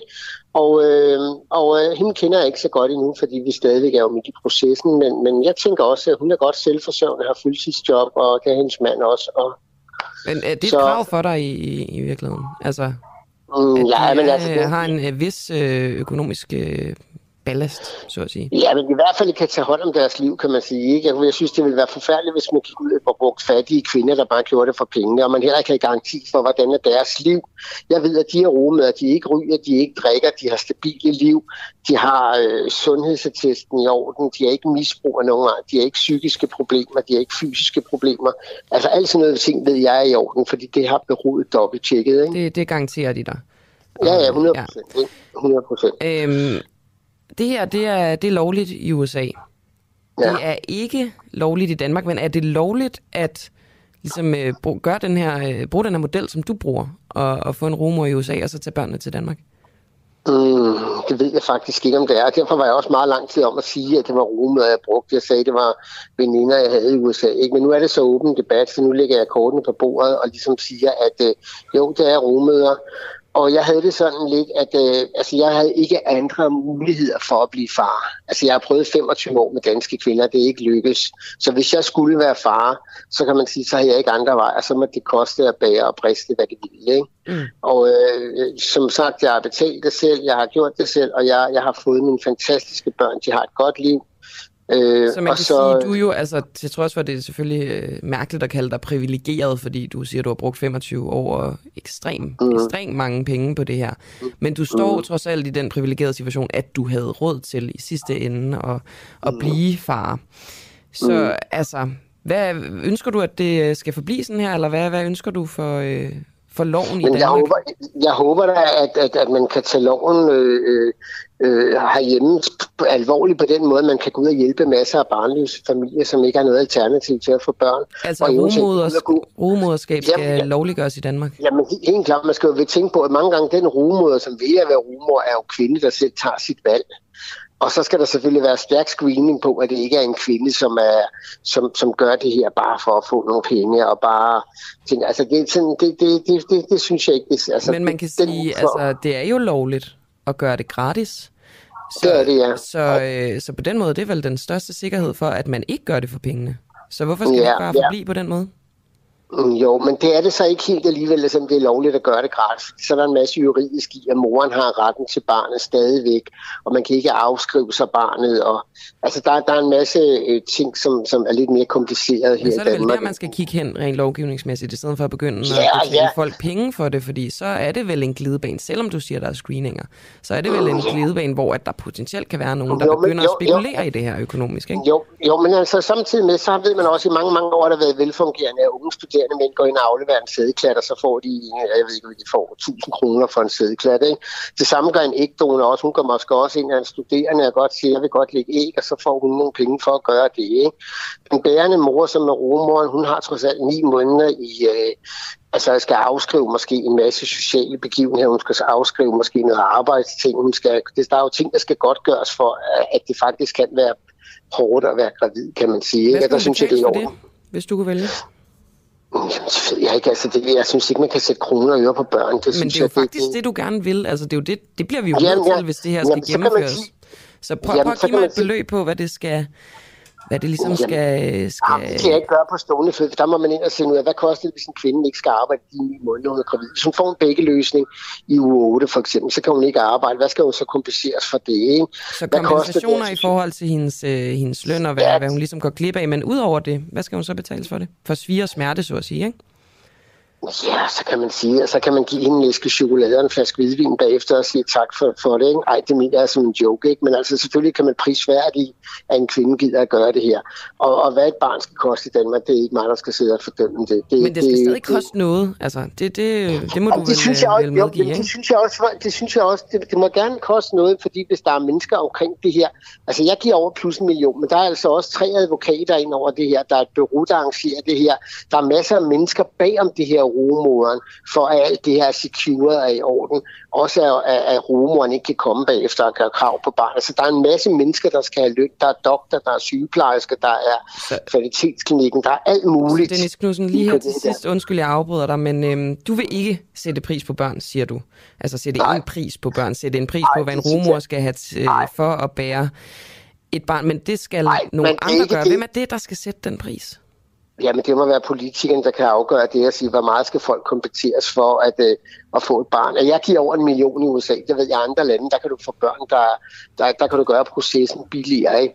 Men, men jeg synes, det vil være for ulækkert, hvis man går ud og siger, så kan du købe et barn, det koster 200 og 600 kroner der, og så kan du vælge en lyshår, den koster 900, og så kan Men du det få kommer du jo 900. til, altså de her kompensationsordninger, du taler om, det bliver jo de facto et pris på, en pris på et barn. Jamen, jamen, jamen, det gør det jo måske nok, fordi så er der svige smerte forbundet med en graviditet, og så, så kompenserer man den, den kvinde for at, at gå og være gravid. Du skal jo tænke på, at mange af de her rummer gør det faktisk også, fordi de synes, det er dejligt at være med til at gøre en forskel i verden og føde et barn for nogle mennesker, som har behov for det. Ikke? Mm. Så, Alright. Jamen altså, det- øhm, Dennis Knudsen, ja. jeg tror, at, øh, at det var det. Altså, øh, vi følger debatten og øh, den her ekspertgruppe, som skal vurdere, om man skal få det her Ja. til Danmark. Tak fordi du var med, og øh, held og lykke med, med de nye børn. tak skal du have. Ha' en god dag. Lige måde. Hej, hej. Hej. Således øh, Dennis Knudsen om øh, rumorskab. En, en virkelig, virkelig spændende og øh, interessant debat med mange forskellige nuancer. Nu har jeg fået besøg i studiet af min kollega. Godmorgen, Christian Henriksen. Godmorgen. Du har øh, fået afvist dit borgerforslag. Ja. Det er det, der hedder min sundhedsreform. Du kan lige for, kort forklare om det bagefter. Men du har fået det afvist igen, efter at øh, en af de fire administrative medarbejdere hos borgerforslag DK ligesom øh, har sagt, det er ikke gangbart. Ja. Hvad går dit forslag helt kort ud på? Ja, mit forslag er jo en, øh, en, sådan en slags videreudvikling af den sundhedsreform, øh, regeringen kom med her øh, for tre uger siden nu. Øh, gør Danmark sundere. Mhm. Og den hedder, den hedder den, min, min sundhedsreform, det er det, jeg kalder den sådan her mellem kollegaer. Officielt så hedder den øh, Gør Danmark endnu sundere. Mhm. Og det er det var sådan 2,0. Jeg fik afvist 1,0, fordi at de mente, at den bare præg af humor. Og så laver jeg en øh, 2,0, som jeg så også får afvist, som jeg har rettet til, og selv synes ikke er særlig humoristisk. Så det er der, jeg står nu. Okay. Og jeg synes jo, det er lidt et problem. For det første synes jeg, et problem, for det der borgerforslag, det skal jo være sådan også øh, menige danskers vej ind i Folketinget, hvis vi gerne vil have et eller andet til debat. Og jeg kunne godt tænke mig at få det her til debat. Mm. Altså, det, er det, det, det, er sådan, det, i, i, I bund og grund så går den bare ud på, at vi kan gøre danskerne endnu sundere, og så har jeg lavet en masse forslag til, hvordan vi kan gøre det. Blandt andet ved for eksempel at øhm, fordoble kørselsfradraget, hvis man kan bevise, at man er gået eller cyklet på arbejde, i stedet for at køre bil. Og det har jeg snakket med Christian Rabia Madsen om, som er politisk ordfører i Socialdemokratiet, som faktisk synes, det var en okay idé. Ja. Ja, jamen det er det jo også. Altså, det er jo... Øh, Så der er også sådan noget med, der, var, der er også sådan noget med, altså sådan et motionspas, for eksempel, Ja. at, at, at, hvis man har dyrket motion inden for de sidste 72 timer, så kan man få adgang til buffet. Og det, det der, altså, jeg har vendt, jeg har vendt med forskellige politikere inde på Christiansborg, og Den var der ikke rigtig nogen af dem, der var sådan rigtig lun på, men den ligger sig jo lidt op af coronapas i virkeligheden. Det, det gør det er den. ikke langt Altså, fra den, den, system, den vi lyder måske umiddelbart en lille smule fjollet, men det i princippet, ja, beklager Christian, det er jo bare min, det er jo bare min mening, men altså... Ja, det er nemlig bare din mening, og det må du jo godt have. Ja, det er jo det. Så hvis du ikke synes, det var et borgerforslag, der skulle stemmes igennem, så har du bare ikke stemt på det. Jamen lige nøjagtigt, fordi du synes, det er et demokratisk problem. Det kan ja. jeg Ja. lige så godt sige. Det synes jeg også. Altså Ja. fire administrative medarbejdere hos borgerforslag.dk, de Ja. siger ligesom, Og den ene, han hedder David. Okay David. Jamen altså, øhm, fordi man kan sige, konceptet borgerforslag, det er jo faktisk altså et, et sindssygt demokratisk værktøj Ja. i princippet. Men de kan så godt afvise Ja. forslag, hvis de vurderer, at... At det er noget pjat.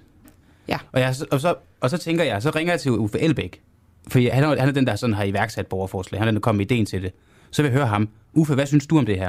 Og han synes også, den skulle afvises. Med hvilket argument? Han synes, det var noget pjat. Altså en mand, der har danset rundt i grøn nederdel? Ja, ja, præcis. Okay. Jamen, nej, men det, øh, det må han jo også, det må også stå for hans egen, øh, egen regning. Og han vil ikke komme i radioen i dag, fordi han, han skrev til mig, at han skulle nå at gå 10.000 skridt, så han kunne spise en hotdog. Ja, okay. Det, er det, det synes jeg også lidt er noget pjat.